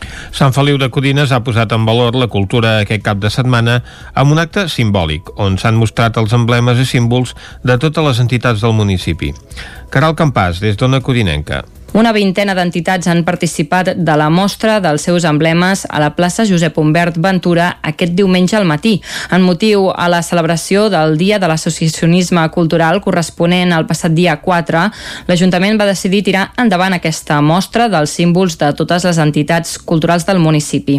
Esther Paracolls, regidora de Cultura, valorava així la iniciativa. Però, en general, les que hi van ser-hi van valorar-ho molt bé perquè, doncs això, la, tenen, en tenien ganes, vull dir, la cultura ha estat una de les coses més tocades i, evidentment, la, la cultura popular potser les que més, eh? I ens va semblar, doncs, això, primera, que la gent veiés el que hi havia i segona, sobretot per elles, per les entitats, poder-se lluir una mica i, i sortir una mica al carrer, que en tenien moltes ganes. Anna Gené, presidenta de l'Associació Gegantera de Sant Feliu, explicava que es van animar a participar perquè ho veien com una oportunitat per tornar a reconnectar amb la població després de tants mesos aturats. Doncs mira, hem volgut participar perquè creiem que ja després de tants mesos tothom tancat, que no han tingut oportunitat de veure els gegants, sí que hem fet petites coses la colla, però que no hem pogut disfrutar lliurement, doncs creiem que era una bona oportunitat que estiguessin aquí a la plaça i, i, bueno, i tornar a connectar una mica amb la gent de poble, que jo crec que, que molts han estat contents de veure els gegants. En la mateixa línia, Marc Capa del Correfoc explica que tenien moltes ganes de tornar a sortir per demostrar que la cultura és viva. I va ser com bé, un acte doncs, de, que dèiem nosaltres la cultura és viva, és a dir, després d'un any i mig que, estem, que no hem pogut fer cap acte nosaltres de, de, del que fem normalment, que són actes de foc, on la gent se'ns abraça, on la gent disfruta amb nosaltres eh, saltant eh, sota les espurnes, doncs eh, com a mínim aquí vam poder sortir, vam poder doncs, que la gent gaudís una altra vegada dels nostres elements, no? que són el follet, la fantasma... El 27 de maig de 2014, el govern de la Generalitat de Catalunya va declarar el 4 de juny Dia de l'Associacionisme Cultural, instaurant així una jornada dedicada a posar en valor el pes i la força de la cultura catalana. Després d'any tancat i de passar per diferents propietaris, la Granja El Melindro de Cardedeu ha tornat a obrir les seves portes, conservant l'essència de tota la vida i incorporant alguns elements nous. David Auladell, de Ràdio Televisió Cardedeu. Una de les cafeteries clàssiques de Cardedeu, mítiques podríem dir, el Malindro reobre les seves portes. Una granja cafeteria on s'hi feien esmorzars i era el punt de trobada de molta gent del municipi. La Pepita, l'Àngels i la Iolanda eren les qui regentaven aquest local, sobretot la Pepita, que va ser l'última de les sòcies que es va quedar amb el negoci fins al 2009 que el va traspassar. Van obrir el 1980, durant la Setmana Santa, i va ser un lloc que va revolucionar el municipi. Va estar un temps tancat, fins i tot s'hi van fer rodatges i ara aquest edifici modernista torna a obrir les seves portes sent el que era, una granja però també una creperia. Mariona Martí, del Malindro. El Malindro manté la granja, perquè el Malindro és una granja, en essència és una granja i manté tots el que és el, els esmorzars i els berenars com, com la gent els coneixia, amb la mateixa recepta de la xocolata, amb, amb els cafès uh, ben fets, ben servits, amb pastes, amb, amb entrepans, amb amb brioixeria i sobretot eh, amb pastissos casolans. Totes les postres, tots els pastissos són casolans. Tota aquesta part de granja i seguirà sent i a més està molt cuidada i a més a més hem ampliat el que són la part de, dels dinars, els àpats de dinars i dels sopars. I llavors eh, el que és és una creperia. Eh, l'eix principal diguéssim és la crep perquè també és un producte que no trencava amb l'essència d'una granja sinó que donava una continuïtat no? De moment, després d'una setmana d'obertura, està tenint bona rebuda per part dels clients, que veuen com la seva cafeteria de sempre torna a estar oberta i, a més, conserva l'estil del començament. Aquest cap de setmana el nou TV ha estat d'estrena. Des del Campanar, el programa guardonat amb el Premi Zapping l'any 2016, ha tornat a l'antena amb un primer capítol dedicat a Sant Vicenç de Torelló. Des del Campanar ha tornat aquest any a l'antena del nou TV amb la seva tercera temporada. Xavier Cervera, acompanyat de Maria Costa a l'edició i realització del programa, es torna a enfilar als campanars d'Osona per recopilar la història de cada poble a partir de les veus d'alguns dels seus vilatans. Xavier Cervera. Són campanars nous, personatges nous, continguts doncs, que sempre t'aporten molt i personalment és un, per mi un creixement, un, un enriquiment perquè cada persona a qui doncs, entrevistem té la seva saviesa personal, els seus coneixements del territori i per tant això és apassionant. I després aquesta il·lusió de poder-ho compartir amb els espectadors amb l'ànim de que tant la persona que és d'aquell poble com tota la gent del territori eh, sovint amb aquests programes descobreixen coses del seu entorn immediat, aquesta història de quilòmetre zero que potser desconeixen i que a través del programa ho poden descobrir Cervera, presentador i conductor de l'espai, destaca sobretot el testimoni de les persones grans. Totes les persones que hem entrevistat, que han aportat continguts, doncs són d'un gran valor i per això ens hi hem adreçat. Però sobretot a mi m'agradaria ressaltar el fet de les persones grans. En el marc d'aquest programa ens adonem que el que anem a buscar és aquest coneixement, aquesta saviesa personal de cadascú i aquesta gent hi aporten moltíssim. Jo em dic que són els venerables de la societat. Divendres, amb redifusions tant dissabte com diumenge, es va estrenar la nova temporada amb el capítol dedicat al campanar romànic de Sant Vicenç de Torelló, des d'on la mestra de l'escola lluriana Eva Mayo va parlar del pes de l'escola en un poble de 2.000 habitants. Veurem una de les joies del romànic usonenc, a Osona tenim alguns campanars que jo en dic del taüll osonenc, eh? Eh, nosaltres tenim les nostres pròpies joies i aleshores doncs Sant Vicenç n'és un exemple i també veurem coses molt arrelades en el cor de, del poble més enllà del campanar, que és aquesta icona col·lectiva, coses tan arrelades com, per exemple, podria ser l'escola o el seu passat entranyable de les colònies industrials, encara molt vives, tot això hi entrarem en profunditat i, i quedarem, jo crec, sorpresos de tot el que hem anat trobant.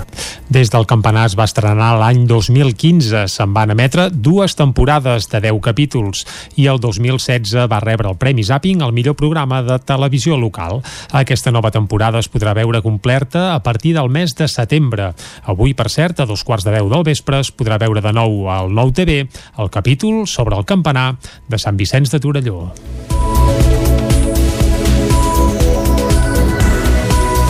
I fins aquí el butlletí informatiu de les 11 que us hem ofert amb Vicenç Vigues, David Auladell, Caral Campàs i Isaac Muntades. Ara farem una breu pausa de res mig minut i de seguida ens capbussem a parlar d'economia, com fem tots els dimarts amb Joan Carles Arredondo. Territori 17. Envia'ns les teves notes de veu per WhatsApp al 646 079 023. 646 079 023. WhatsApp Territori 17.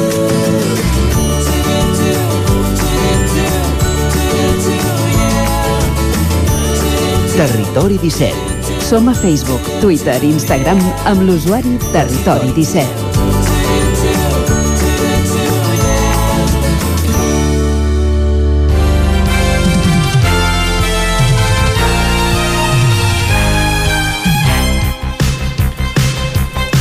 I ara, quan és un quart de dotze, arriba l'hora de parlar d'economia, com cada dimarts amb en Joan Carles Arredondo. Avui un espai centrat en aquesta reunió que hi va haver el passat cap de setmana dels països del G7, que van acordar doncs, imposar un impost mínim universal. Joan Carles, bon dia. Bon dia. Què, què vol dir això de l'impost mínim universal? Que l'hem de pagar tots? No, vol dir que tots, tots, en aquest cas les grans corporacions, pagaran el mateix a tot arreu, eh? que això no estava passant, ara mirarem d'explicar-ho. Efectivament, eh? és, és un acord dels països del G7, eh, el, el G7, mm, O sigui, Espanya no hi entra aquí.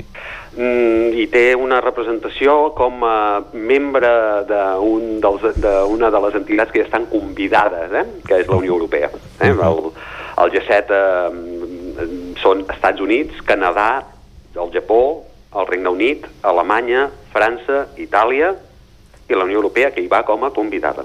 Eh?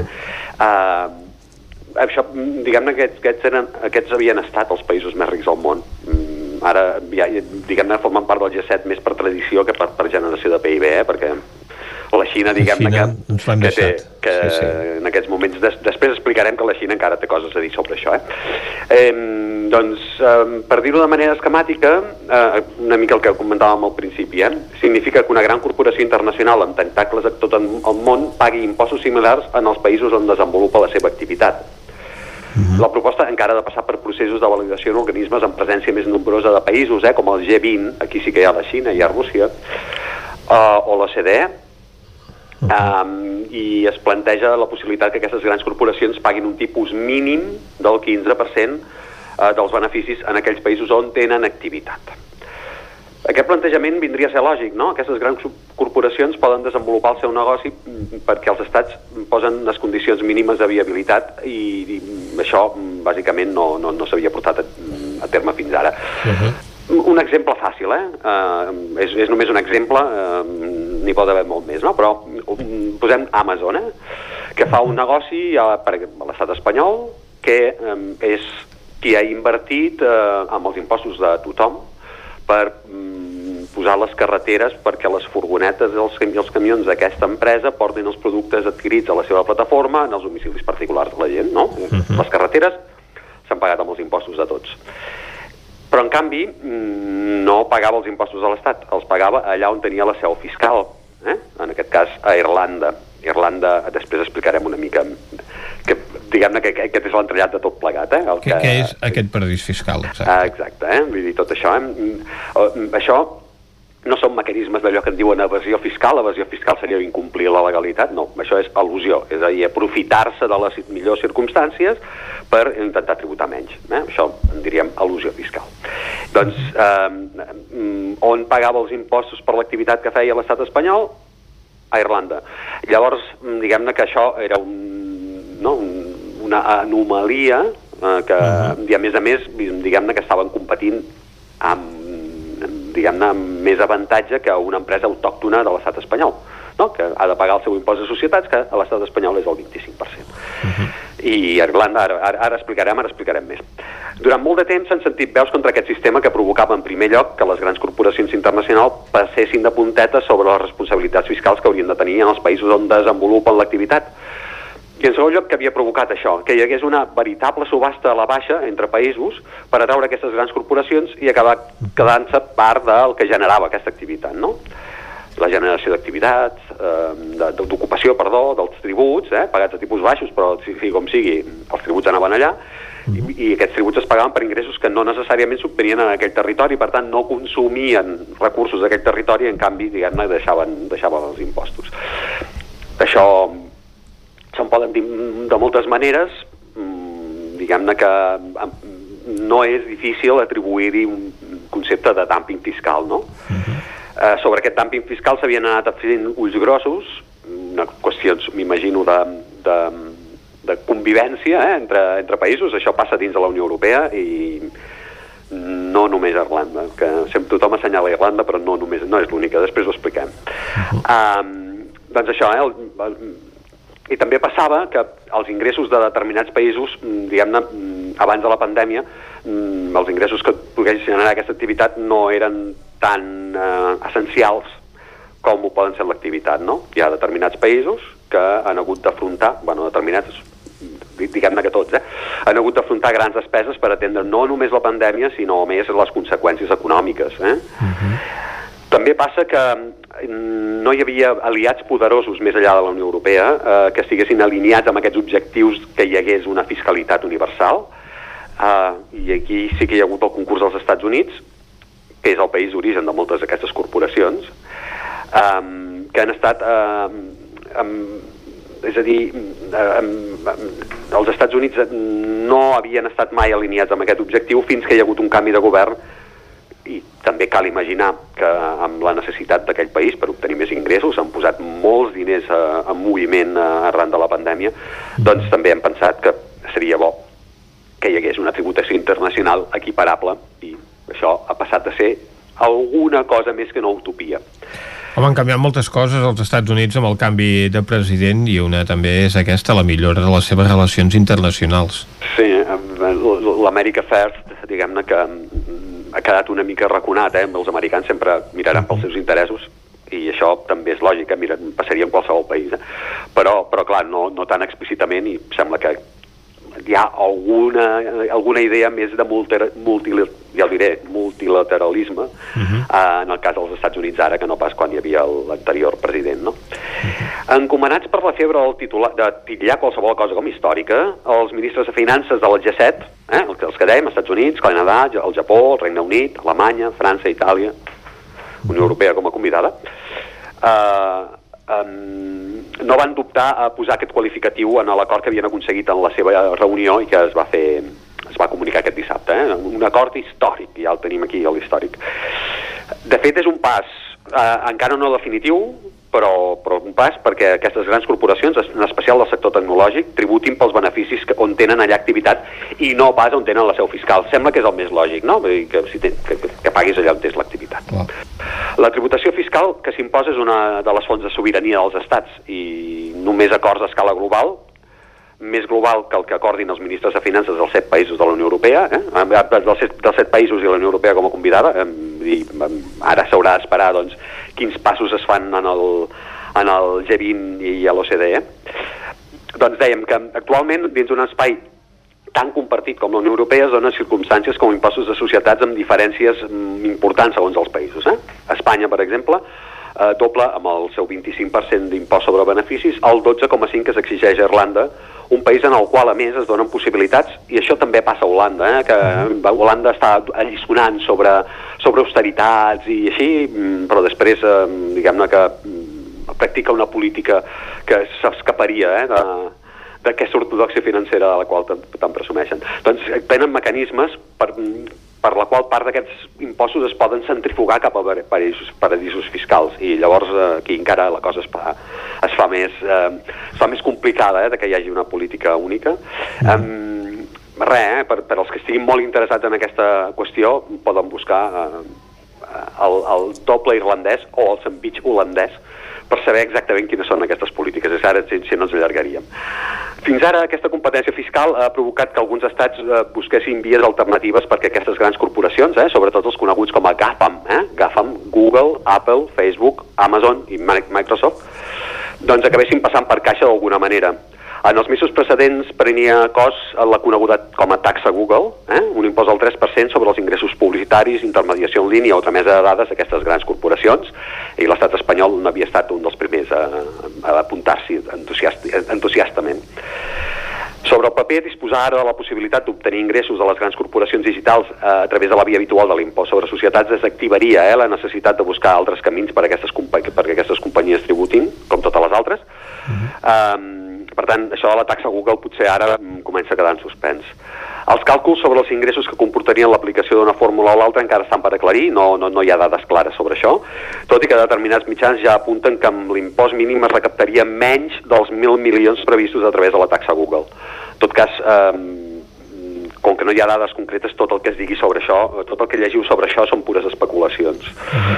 El més destacat d'aquest acord és que per fi s'estableix que les empreses tributin allà on tenen activitat, allà on treuen profit dels recursos que els proporcionen en determinat territori, allà on han de competir en igualtat de condicions amb els, amb els autònoms, amb, amb, els, amb els seus competidors autòctons, i, i no allà on es resulti més beneficiós, eh?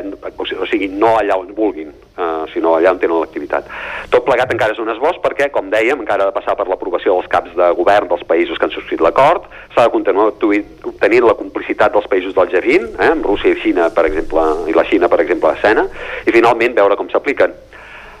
Hi ha, doncs, interrogants però ja eh, hi ha un pas eh, fet que és el reconeixement que en una economia global eh, hi ha d'haver també una fiscalitat global i que la Unió Europea hauria de tendir també eh, aquesta mena d'espai Schengen que hi ha eh, en, en qüestions de moviment de persones i de capitals, doncs també eh, que hi hagi un espai Schengen tributari, eh, eh, que sigui igual per tothom, no? les mateixes regles del joc. Mm -hmm.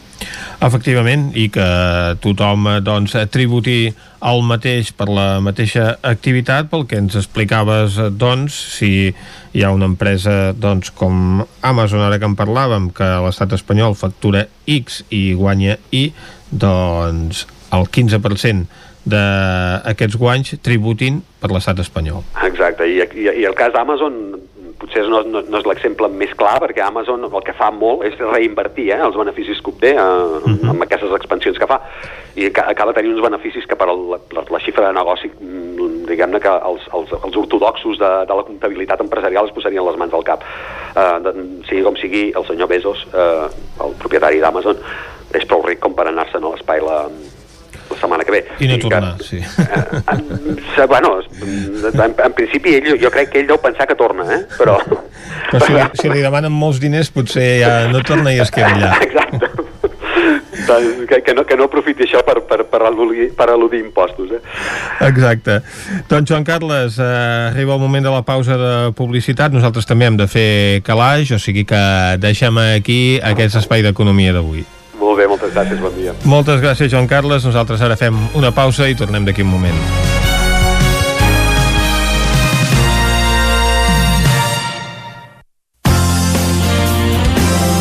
El nou FM, la ràdio de casa, al 92.8 productes, màquines i processos de fabricació en la indústria 4.0. Si aquests conceptes t'interessen, el grau en enginyeria mecatrònica de la UBIC és per a tu. Amplia la teva formació en mecànica, electrònica, control i programació. Informa't a ubic.cat barra info barra mecatrònica.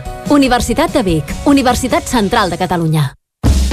Impremta Mater, el servei de particulars i empreses. Fem catàlegs, llibres, papereria corporativa, targetes, fulletons i també venem material d'oficina i escriptori, bolígrafs, arxivadors, grapadores, llibretes i molt més.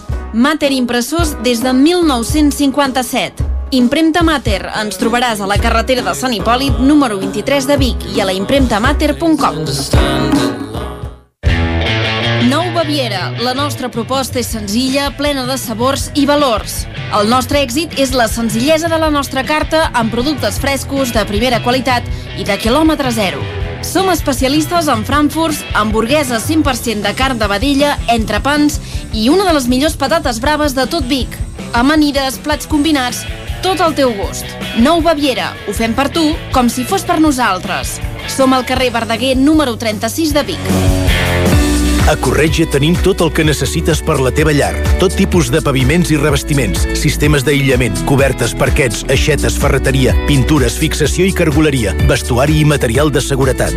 Disposem de més de 3.500 metres quadrats d'exposició amb una nova zona exterior d'aïllaments. A Corretja som especialistes en cuines i banys. Us assessorem, dissenyem i realitzem el projecte des de l'inici fins a la fi del muntatge. 100% cuines, 100% banys. Al carrer Mas Vigues 8 de Vic, a corretja-sl.com o a Instagram. 100% materials per la construcció i la decoració. 100% corretja. El Roures Parc de Ceba. Obrim a partir del 26 de juny. Pista de vòlei, pista 3x3, bar, zona pícnic i una gran caseta de boles. Dues piscines amb grans espais verds per adults i una piscina dedicada a infants amb màxima garantia d'higiene i seguretat. El Roures Parc de Ceba. Obrim cada dia, matí i tarda, amb reducció de preu per l'accés matinal. T'esperem al Roures Parc de Ceba. Hi ha sensacions que són úniques. Aquell bany relaxant, mirar per la finestra quan plou i com les calderes Bailand, que li ofereixen fins a 15 anys de cobertura total amb el servei tècnic oficial Bailand. Informis a Oficiat Nord trucant al 93 886 0040. Amb el servei tècnic oficial de Bailand, la seva caldera estarà en les millors mans. El nou FM, la ràdio de casa, al 92.8.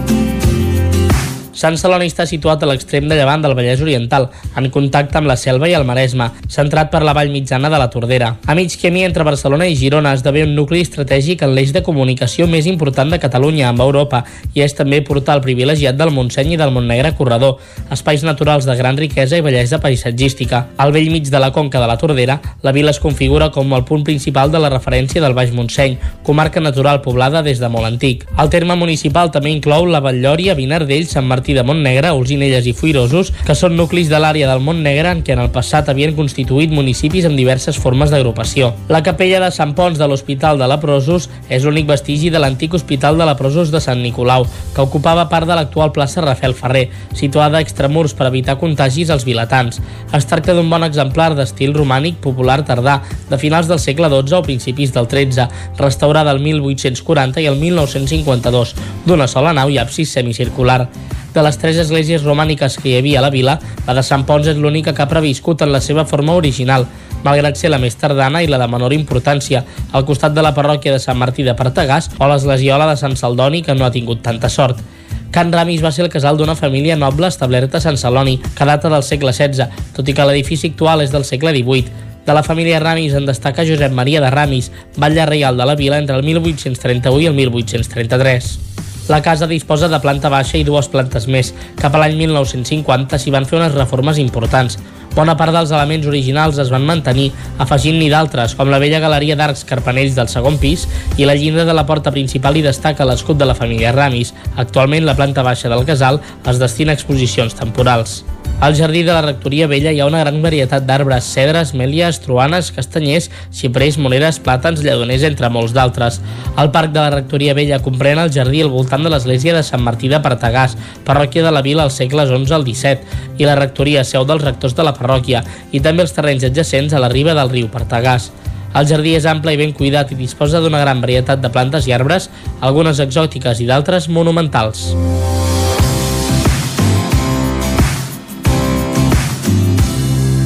Territori 17. Doncs el Descobrint Catalunya d'avui que hem anat cap a Sant Celoni, la Sí, falda senyor. del Montseny per la vessant ballesana, evidentment.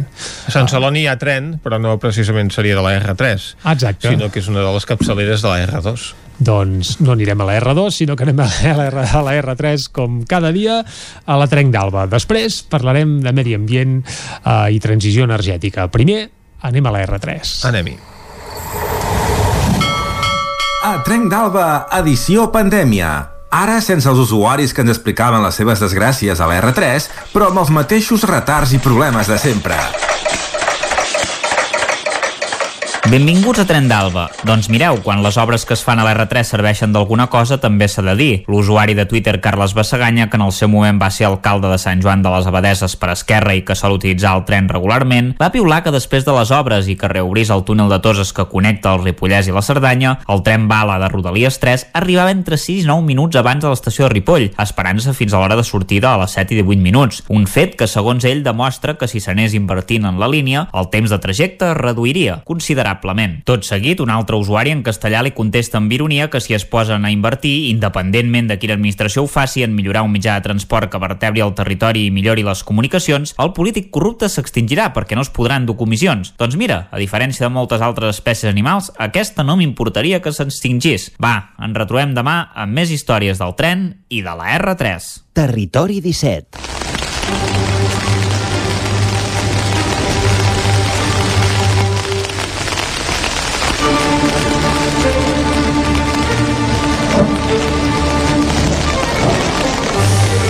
Comença a ploure bots i a barrals, però ho fa de manera radiofònica, eh? Avui fa un sol radiant, un dia esplèndid, ja ens ho ha comentat el Pep Acosta, però plou a bots i a barrals a Territori 17 perquè vol dir que és el moment de parlar de meteorologia i medi ambient.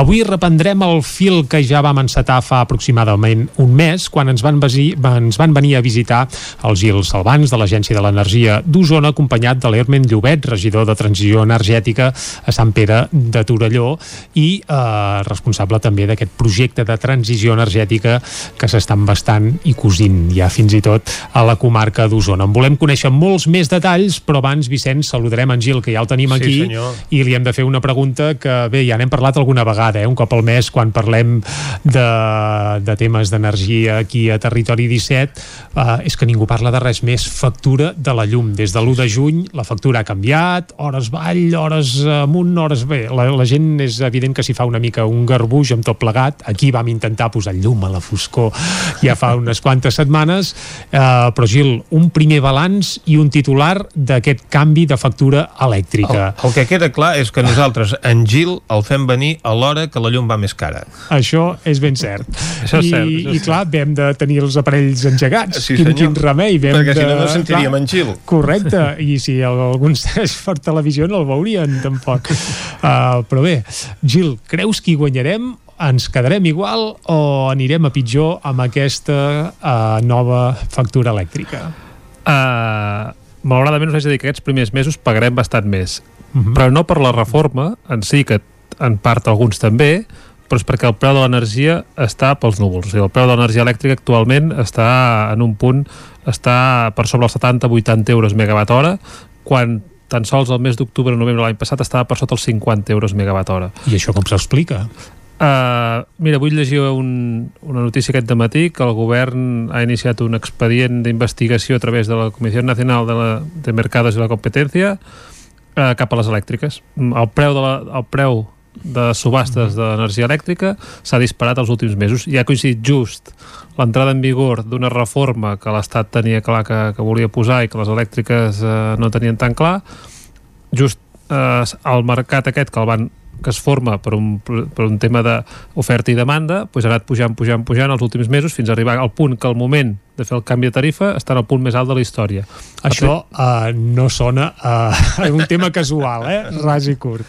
No, no, no ho sona. Uh, el problema és que aquí la reforma tècnicament es pot justificar i crec que té cert sentit molt, en molts casos, tot i que, mm, bueno, mm, reflexionant una mica, és a dir, els dos períodes puntes, el que dèiem ara, eh, de 10 a 2, té tot el sentit del món, eh, sobretot en el sentit d'impulsar l'autoconsum fotovoltaic, perquè si, eh, si tinguéssim plaques aquí sobre no sé com està, eh, la taulada de Sí, no, l'edifici, la taulada del 9-9 ja puc dir que no té plaques. Va, Però esclar, també és el nucli antic de Vic, que És complicat, és un sí. espai protegit eh, urbanísticament. Però per altra banda, la- l'altra punta, que és de 6 a 10 del vespre, és complicat que famílies eh, es puguin adequar a no consumir en aquestes hores. És a dir, mm, sopem a partir de les 10... Mm, Clar, també ens volen canviar els hàbits i posar-nos en horaris europeus, avançar els sopars, dius, home, Tampoc potser... soparem a les 5 de la tarda, vull dir que no, No. no arribarem. Vull dir Clar. que és complicat. L'oficina de la reforma horària segur que això no ho aprova. Clar, jo crec que aquí hi ha, hi ha certs dubtes, però sí que és veritat que eh, llegia l'altre dia els de, la gent de Facua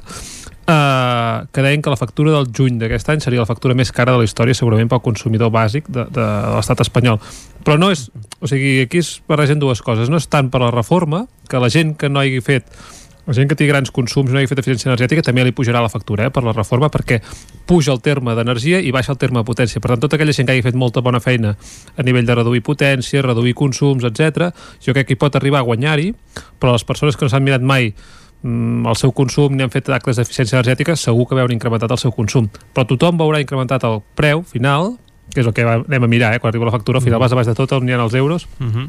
Aquest serà més alt, quasi segur, a la gran majoria de gent, perquè el preu de l'energia elèctrica a dia d'avui està pels núvols. Doncs bé, això ens queda clar. Uh, la temporada vinent, quan tornem a arrencar al setembre, uh, parlarem de nou de- d'aquesta Allà tindrem més factura factures, allà tindrem més factures i ho Segurament. podrem veure realment. Mm, I Exacte. a més a més, eh, coincidint doncs, aquest canvi també amb l'estiu, que ara ve l'època que precisament a aquestes hores és quan la gent engega aires condicionats, ventiladors, etc perquè necessita doncs, també refrescar-se per la calor.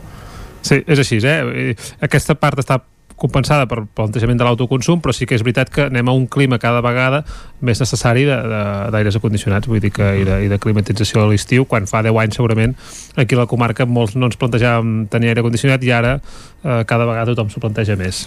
Bé, anem a parlar ara del pla del projecte de transició energètica a Osona, un aspecte que vam començar a tocar ja fa una, un meset aquí mateix a Territori 17. Ens van quedar alguns aspectes pendents i en volem acabar de parlar, evidentment, amb en Gil Salvans i també amb l'Hermen Llobet, el regidor de Transició Energètica de Sant Pere de Torelló, que ens va acompanyar també fa un mes i que ara podem saludar via telefònica. Hermen, molt bon dia.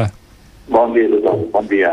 Molt bon dia. Bon dia de Sant Pere i bon sol, que no n'hem tingut gaire aquest any.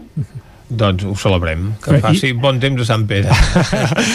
I em sembla que s'acosten dies que ara sí que seran de sol, per tant la gent que pot generar energia solar eh, o que té plaques d'autoconsum a casa, s'acosten uns dies que sembla que sí, que si més no pel que ens ha dit en Pep Acosta, que ve bonança meteorològica, si més no. Això sembla segur. Uh, però capbussem-nos amb el projecte de transició energètica d'Osona que vam començar a citar una mica així per alt fa un mes i intentem concretar una mica més uns quants aspectes d'aquest d'aquest projecte. Uh, Hermen, a molts grans trets, uh, per on ha de començar aquest, aquesta transició energètica en el cas d'Osona? Bueno, en, en el cas de- d'Osona, eh, dèiem l'altre dia eh, que nosaltres hem plantejat que estem eh, impulsant un projecte que té moltes, moltes actuacions en paral·lel.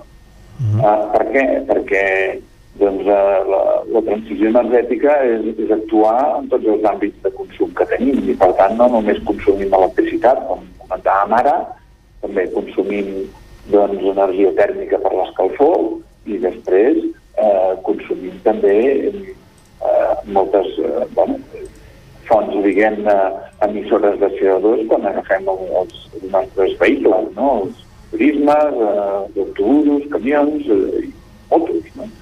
I, I per tant hem d'incidir en aquests diferents aspectes.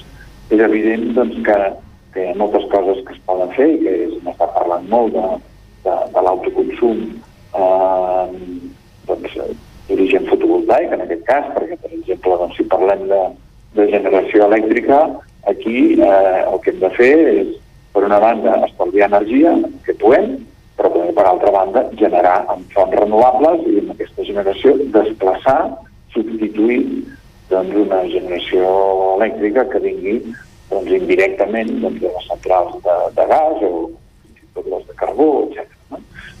Um, però, però també també hem d'actuar amb el que és l'energia tèrmica.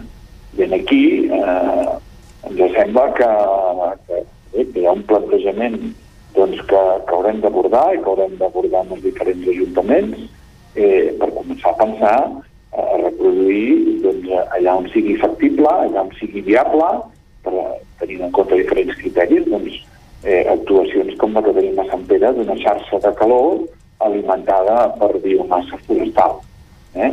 I aquest projecte, doncs, que, que, que sabeu que té 30, més de 30 anys de vida a Sant Pere, doncs reproduït, però amb un, amb un disseny eh, actual eh, i amb tota l'experiència acumulada, pensem que s'ha d'implementar eh, en altres poblacions de la comarca per substituir doncs, l'ús del gasoil, primer, primera instància, i en segona instància doncs, de, de, butà o, o fins i tot de, de gas natural. Uh -huh. I per tant, aquestes xarxes de calor el que ens permeten és que molta gent eh, de cop doncs, pugui fer aquest pas diguem-ne, a un consum tèrmic d'origen renovable. Ara, com que eh, però això potser no és possible a tot arreu, muntar aquestes xarxes, doncs també tenim un repertori diguem-ne de solucions alternatives, en aquest cas podrien ser en, en sistemes més de tipus individual o petita comunitat basat en geotèrmia.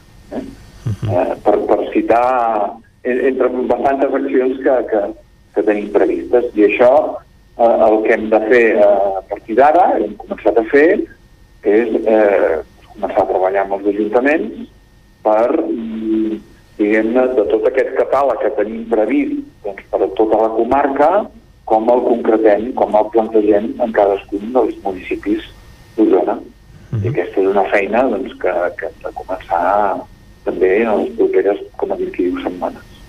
En el cas de Sant Pere, acabeu de crear la primera cooperativa ciutadana d'energia que hi ha a la comarca.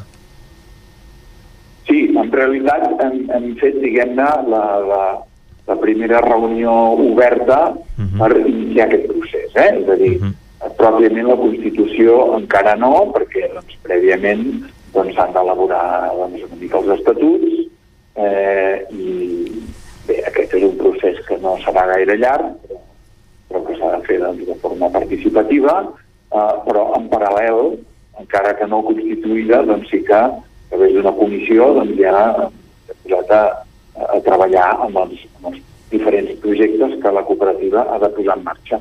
I, i aquí sí que vull destacar doncs, que en aquest cas doncs, farem eh, Sant Pere diguem-ne en positiu, serà la, la primera iniciativa o serem els comillets índies, no ho sé.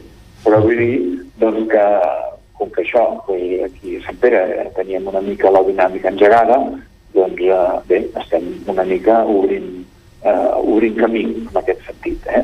Perquè eh, recordo que el pla doncs, comarcal té previst eh, impulsar 50 cooperatives. En principi serien doncs, una, una per, per municipi. Eh? I per tant, doncs, eh, és un camí llarg, però com més aviat el comencem, millor. En aquest cas, hem començat a Sant Pere. Un camí llarg i un objectiu, que en 6 anys es redueixin les emissions de CO2 un 42%. Això, cop d'ull, sona molt optimista i molt ambiciós. Uh, Gil, és realista o no, aquest 40%? 42%, vaja, és el, el que es vol reduir d'emissions de CO2 en el cas d'Osona realista o no, jo, jo crec que sí que ho és, eh, sempre i quan mm, es tingui en compte la inversió necessària per fer-ho, però, però cal, cal dir que, és a dir, els objectius que està compromès a la Unió Europea i que per tant s'estan adequant o, o, o adaptant o comprometent la majoria d'alcaldes, ja no de la comarca, eh, sinó tot el territori com a mínim català, és reduir un 55% les emissions al 2030. Per tant, el 2026-27 hauries d'haver reduït aquest 42% si vols arribar al 55 al 2030. Per tant, eh, si no és real, l'hem de fer real. És a dir, o, o, o, o ens estan ens estan els, o, o sigui, la Unió Europea està marcant uns, un, uns, uns objectius que no pot assolir com a, com a tal i per tant estem fent fum o, o realment hem de transformar això en realitat i una mica és l'objectiu d'aquest projecte, eh? és dir, ja que volem arribar ja que ens estem comprometent políticament a tot això, a veure, agafem tot això i traslladem-ho a la realitat. Baixem-ho a una comarca com la comarca d'Osona, 160.000 habitants, amb, un, amb algun municipi força gran com Vic o Manlleu i amb una realitat molt rural també en molts municipis, que hauria de ser factible fer la transició energètica molt més fàcil que àrees molt més metropolitanes. Eh, intentem traslladar això a la realitat, intentem fer un pla tot i que és a 6 anys, a curt termini, diguéssim, una mica en aquest sentit, intentem fer mm, dibuixar el full de ruta per complir aquestes, aquests objectius de reducció d'emissions. I una mica és el que, el que s'intenta fer amb el pla i realment eh, és, és, és, uh, és, és positiu, és, és difícil d'assolir tots aquests reptes, però bueno, la inversió és gran i, i també us diré que les ganes eh, tant to, els 50 municipis ens han donat suport per aquest projecte, per tant es va tots a la una en aquest sentit. I intentarem, a la mesura que sigui possible que Osona sigui un, un, un exemple i un, i un, un referent. i un referent. Uh -huh. En aquest pla, per exemple, de transició energètica de la comarca es posa de manifest que a Osona pràcticament no, no hi ha eh, eh, energia de, eh, de generació eòlica hi va haver algun intent de, de posar doncs, alguns aerogeneradors en algun punt de la comarca els ajuntaments en aquest moment no van veure-ho no van veure-ho clar però sí que els tècnics ja van eh, començar a detectar una evidència que és que Osona cada cop hi fa més vent i no sé si aquesta seria una de les alternatives o hi continua havent oposició a la instal·lació d'aerogeneradors per l'impacte visual que suposen. Uh, aquí, o sigui, aquí sí que, com, com dius, Vicenç, uh, hi va haver algun estudi inicial i, de fet, uh, al sud de la comarca, sobretot per, gràcies al tema de marinada, es havia plantejat. Uh, encara està sobre la taula, és a dir, balanyat sobre la taula, fer algun estudi d'alguna mini eòlica, no estem parlant en cap cas de grans molins eòlics perquè el vent no és d'aquest potencial, però bueno, en el projecte tenim una part d'innovació, una part de... és a dir, tota una sèrie de, de d'accions previstes molt més concretes, hi ha tot un, un ventall de coses innovadores, coses a analitzar que en un futur, si la tecnologia va millorant, etc doncs s'hauran de tenir en compte. Vull dir que no, no es tanca la porta en aquest sentit. El que sí que es descarta és la creació de megaparcs solars, eh? és un tema que ha sortit eh, recentment, força recurrent. En canvi, sí que s'apostaria per la creació, això, de petits parcs solars, que no sé què s'entendria per petit, eh? de quines dimensions estaríem parlant. Aquí, aquí, és on, aquí és un tema de debat i un tema que jo crec que els pròxims anys eh, anirem debatent. Eh? La, la idea, i com a Consell Comarcal, de fet demà en el Consell d'Alcaldes s'informarà d'unes recomanacions, és a dir, al final la competència urbanística és de cada municipi, cada municipi pot prendre les seves decisions. Eh, estem treballant en un tema de, de, de limitar els parcs solars com a tal a 10 hectàrees màxim. I per en tant, el cas d'Osona, màxim 10, 10 hectàrees. Eh? El dibuix que estem fent en aquest projecte són uns 50 parcs, d'aquí 6 anys, d'uns 5 megas, que els 5 megas se'n va això, unes 8-10 hectàrees. Aquí, no sé si tu vols comentar-ho, però segurament hi hauria, es podria obrir aquest, aquesta possibilitat quan entrem en temes d'agrivoltaica, eh? en temes d'aprofitament uh -huh. solar i, i agrícola al mateix temps. Sí, sí. Um, aquí nosaltres també ens agrada, o sigui, el, el, el que hem plantejat en el projecte és eh, que en promig, eh, al final no sé si serà exactament així, però sí per, per tenir doncs, el volum global, doncs impulsar 50 parcs d'aquests de, de, de 5 megawatts. Eh? Mm -hmm. eh, I eh, crec que un dels temes importants és el, no només el què, que és això, sinó també el com. I en el com mm -hmm. doncs, hi ha una part important que és qui promou això. Eh, nosaltres plantegem que sigui l'administració pública local, sigui l'Ajuntament o sigui el consorci del projecte, des del Consell Comarcal, juntament amb la cooperativa local d'energia i promogui aquest parc. Eh? I després, doncs, sí que s'encarregui doncs, la construcció i el finançament doncs, en fi, a una empresa, empresa privada, si cal. Però que, però que el, el control i la, el, els retorns a futur de la iniciativa doncs quedin als municipis i es puguin reinvertir en la pròpia transició energètica eh, local. Eh? I, i, però el segon apartat és que allà on, on tingui sentit podem també plantejar solucions més amigables i eh, que facin més fàcil, diguem la, la compatibilitat amb l'activitat agrària, sigui ramadera o agrícola, prèvia. I per tant, en alguns casos, per exemple, doncs eh, eh, podem agafar eh, superfícies més grans, però de forma que la, la, els generadors fotovoltaics, les zones de plaques, quedin, quedin prou separades com per, entre, per entremig d'elles i pugui passar, per exemple, un ramat pasturat. Eh? O fins i tot hi pugui haver algun tipus d'activitat agrícola. Eh? Això, és a dir, diguem-ne, utilitzem més superfície per al final fer-ne servir menys per la fotovoltaica i mantenir la compatibilitat, la compatibilitat amb les activitats agràries. Per perquè la comarca eh, una part important també de l'energia que genera és la hidroelèctrica amb les eh, centrals de, que hi ha al riu, una energia que va parar on va parar però per exemple hi ha el cas eh, poder més emblemàtic fins i tot del pantà de Sau no? que eh, té molta capacitat de generar energia, que va a la xarxa de d'alta tensió però que si revertís en la comarca segurament la faria moltíssim més autosuficient del que és. Sí, sí, efectivament. Nosaltres, a, a, a nivell de projecte, hem deixat una mica fora aquesta realitat de moment perquè, així com bé, doncs, si fem un parc fotovoltaic de 5 megawatts, eh, doncs eh, podem fer que aquesta energia d'alguna manera... Ara, ara està bastant limitat què pots fer amb aquesta energia, però, però segur que podràs, diguem anar gestionant, perquè d'alguna manera, entre cometes, es quedi la comarca. Uh -huh. uh, en aquestes centrals grans, eh, doncs de moment, eh, això ho veiem més complicat, però evidentment, si incorporéssim, diguem a la producció d'aquestes centrals a la, a la, a, al balanç energètic de la comarca, doncs això ens faria avançar molt ràpid, però ens sembla que, que potser bueno, una, seria una situació com una mica artificial. És a dir, considerem aquestes grans infraestructures com que aboquen en el sistema general, que és el que consumim avui en dia. Eh? I per tant el que tracta, el que pretenem nosaltres és avançar respecte a la situació que tenim avui. Per tant, l'energia hidrolau... I, i, vaja, bàsicament, la que vindria de l'aigua no seria un factor determinant, eh? En aquest sentit, costaria eh, apostar-hi gaire més del que ja s'hi està apostant. O encara hi ha marge per, per treure'n una mica més de suc, ras i curt? Bueno, nosaltres el, el, el projecte plantegem la possibilitat, que s'haurà d'estudiar en detall, d'aprofitar alguna petita hidroelèctrica que, que ja existeix o que podria existir doncs, en algun punt del, del curs del Ter. Són actuacions eh, petites i, i més aviat doncs, en la línia de, de recuperar eh, alguna d'aquestes petites centrals diguem-ne que, que, que té aquestes concessions privades que fa pocs dies van sortir un reportatge televisiu i que podrien revertir més directament doncs, a les comunitats locals.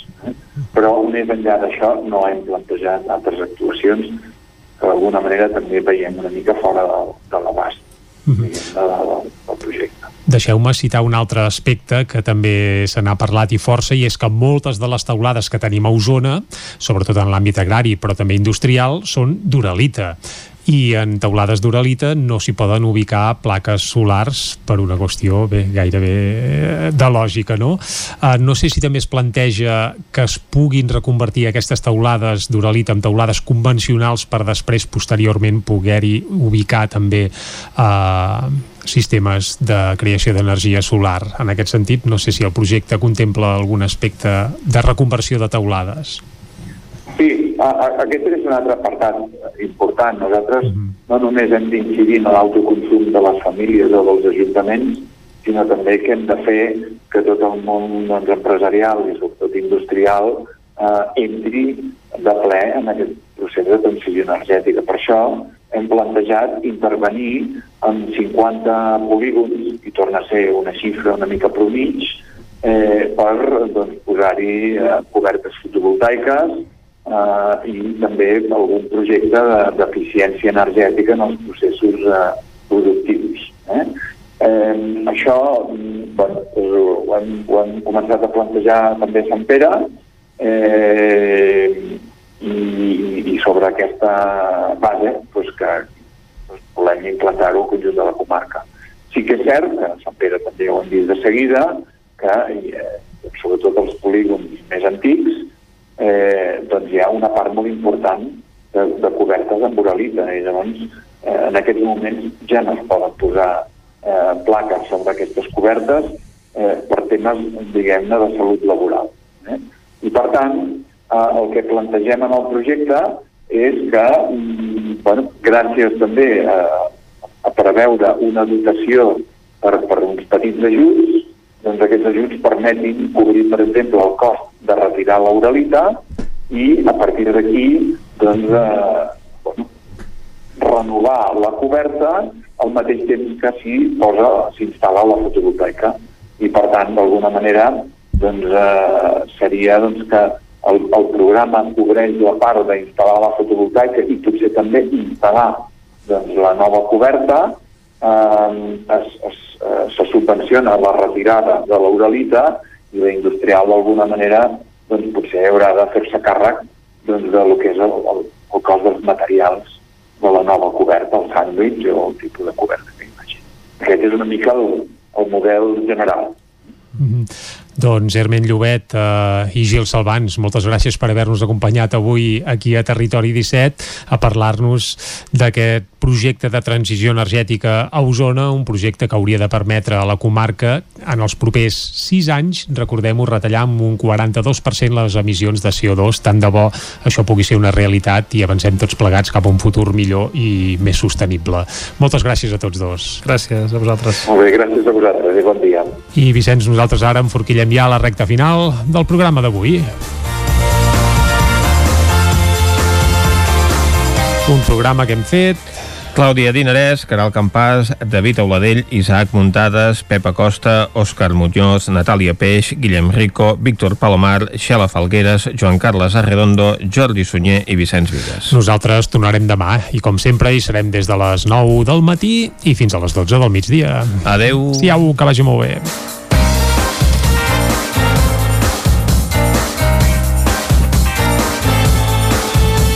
Territori 17, un magazín del nou FM. La veu de Sant Joan, Ona Codinenca i Ràdio Cardedeu amb el suport de la xarxa.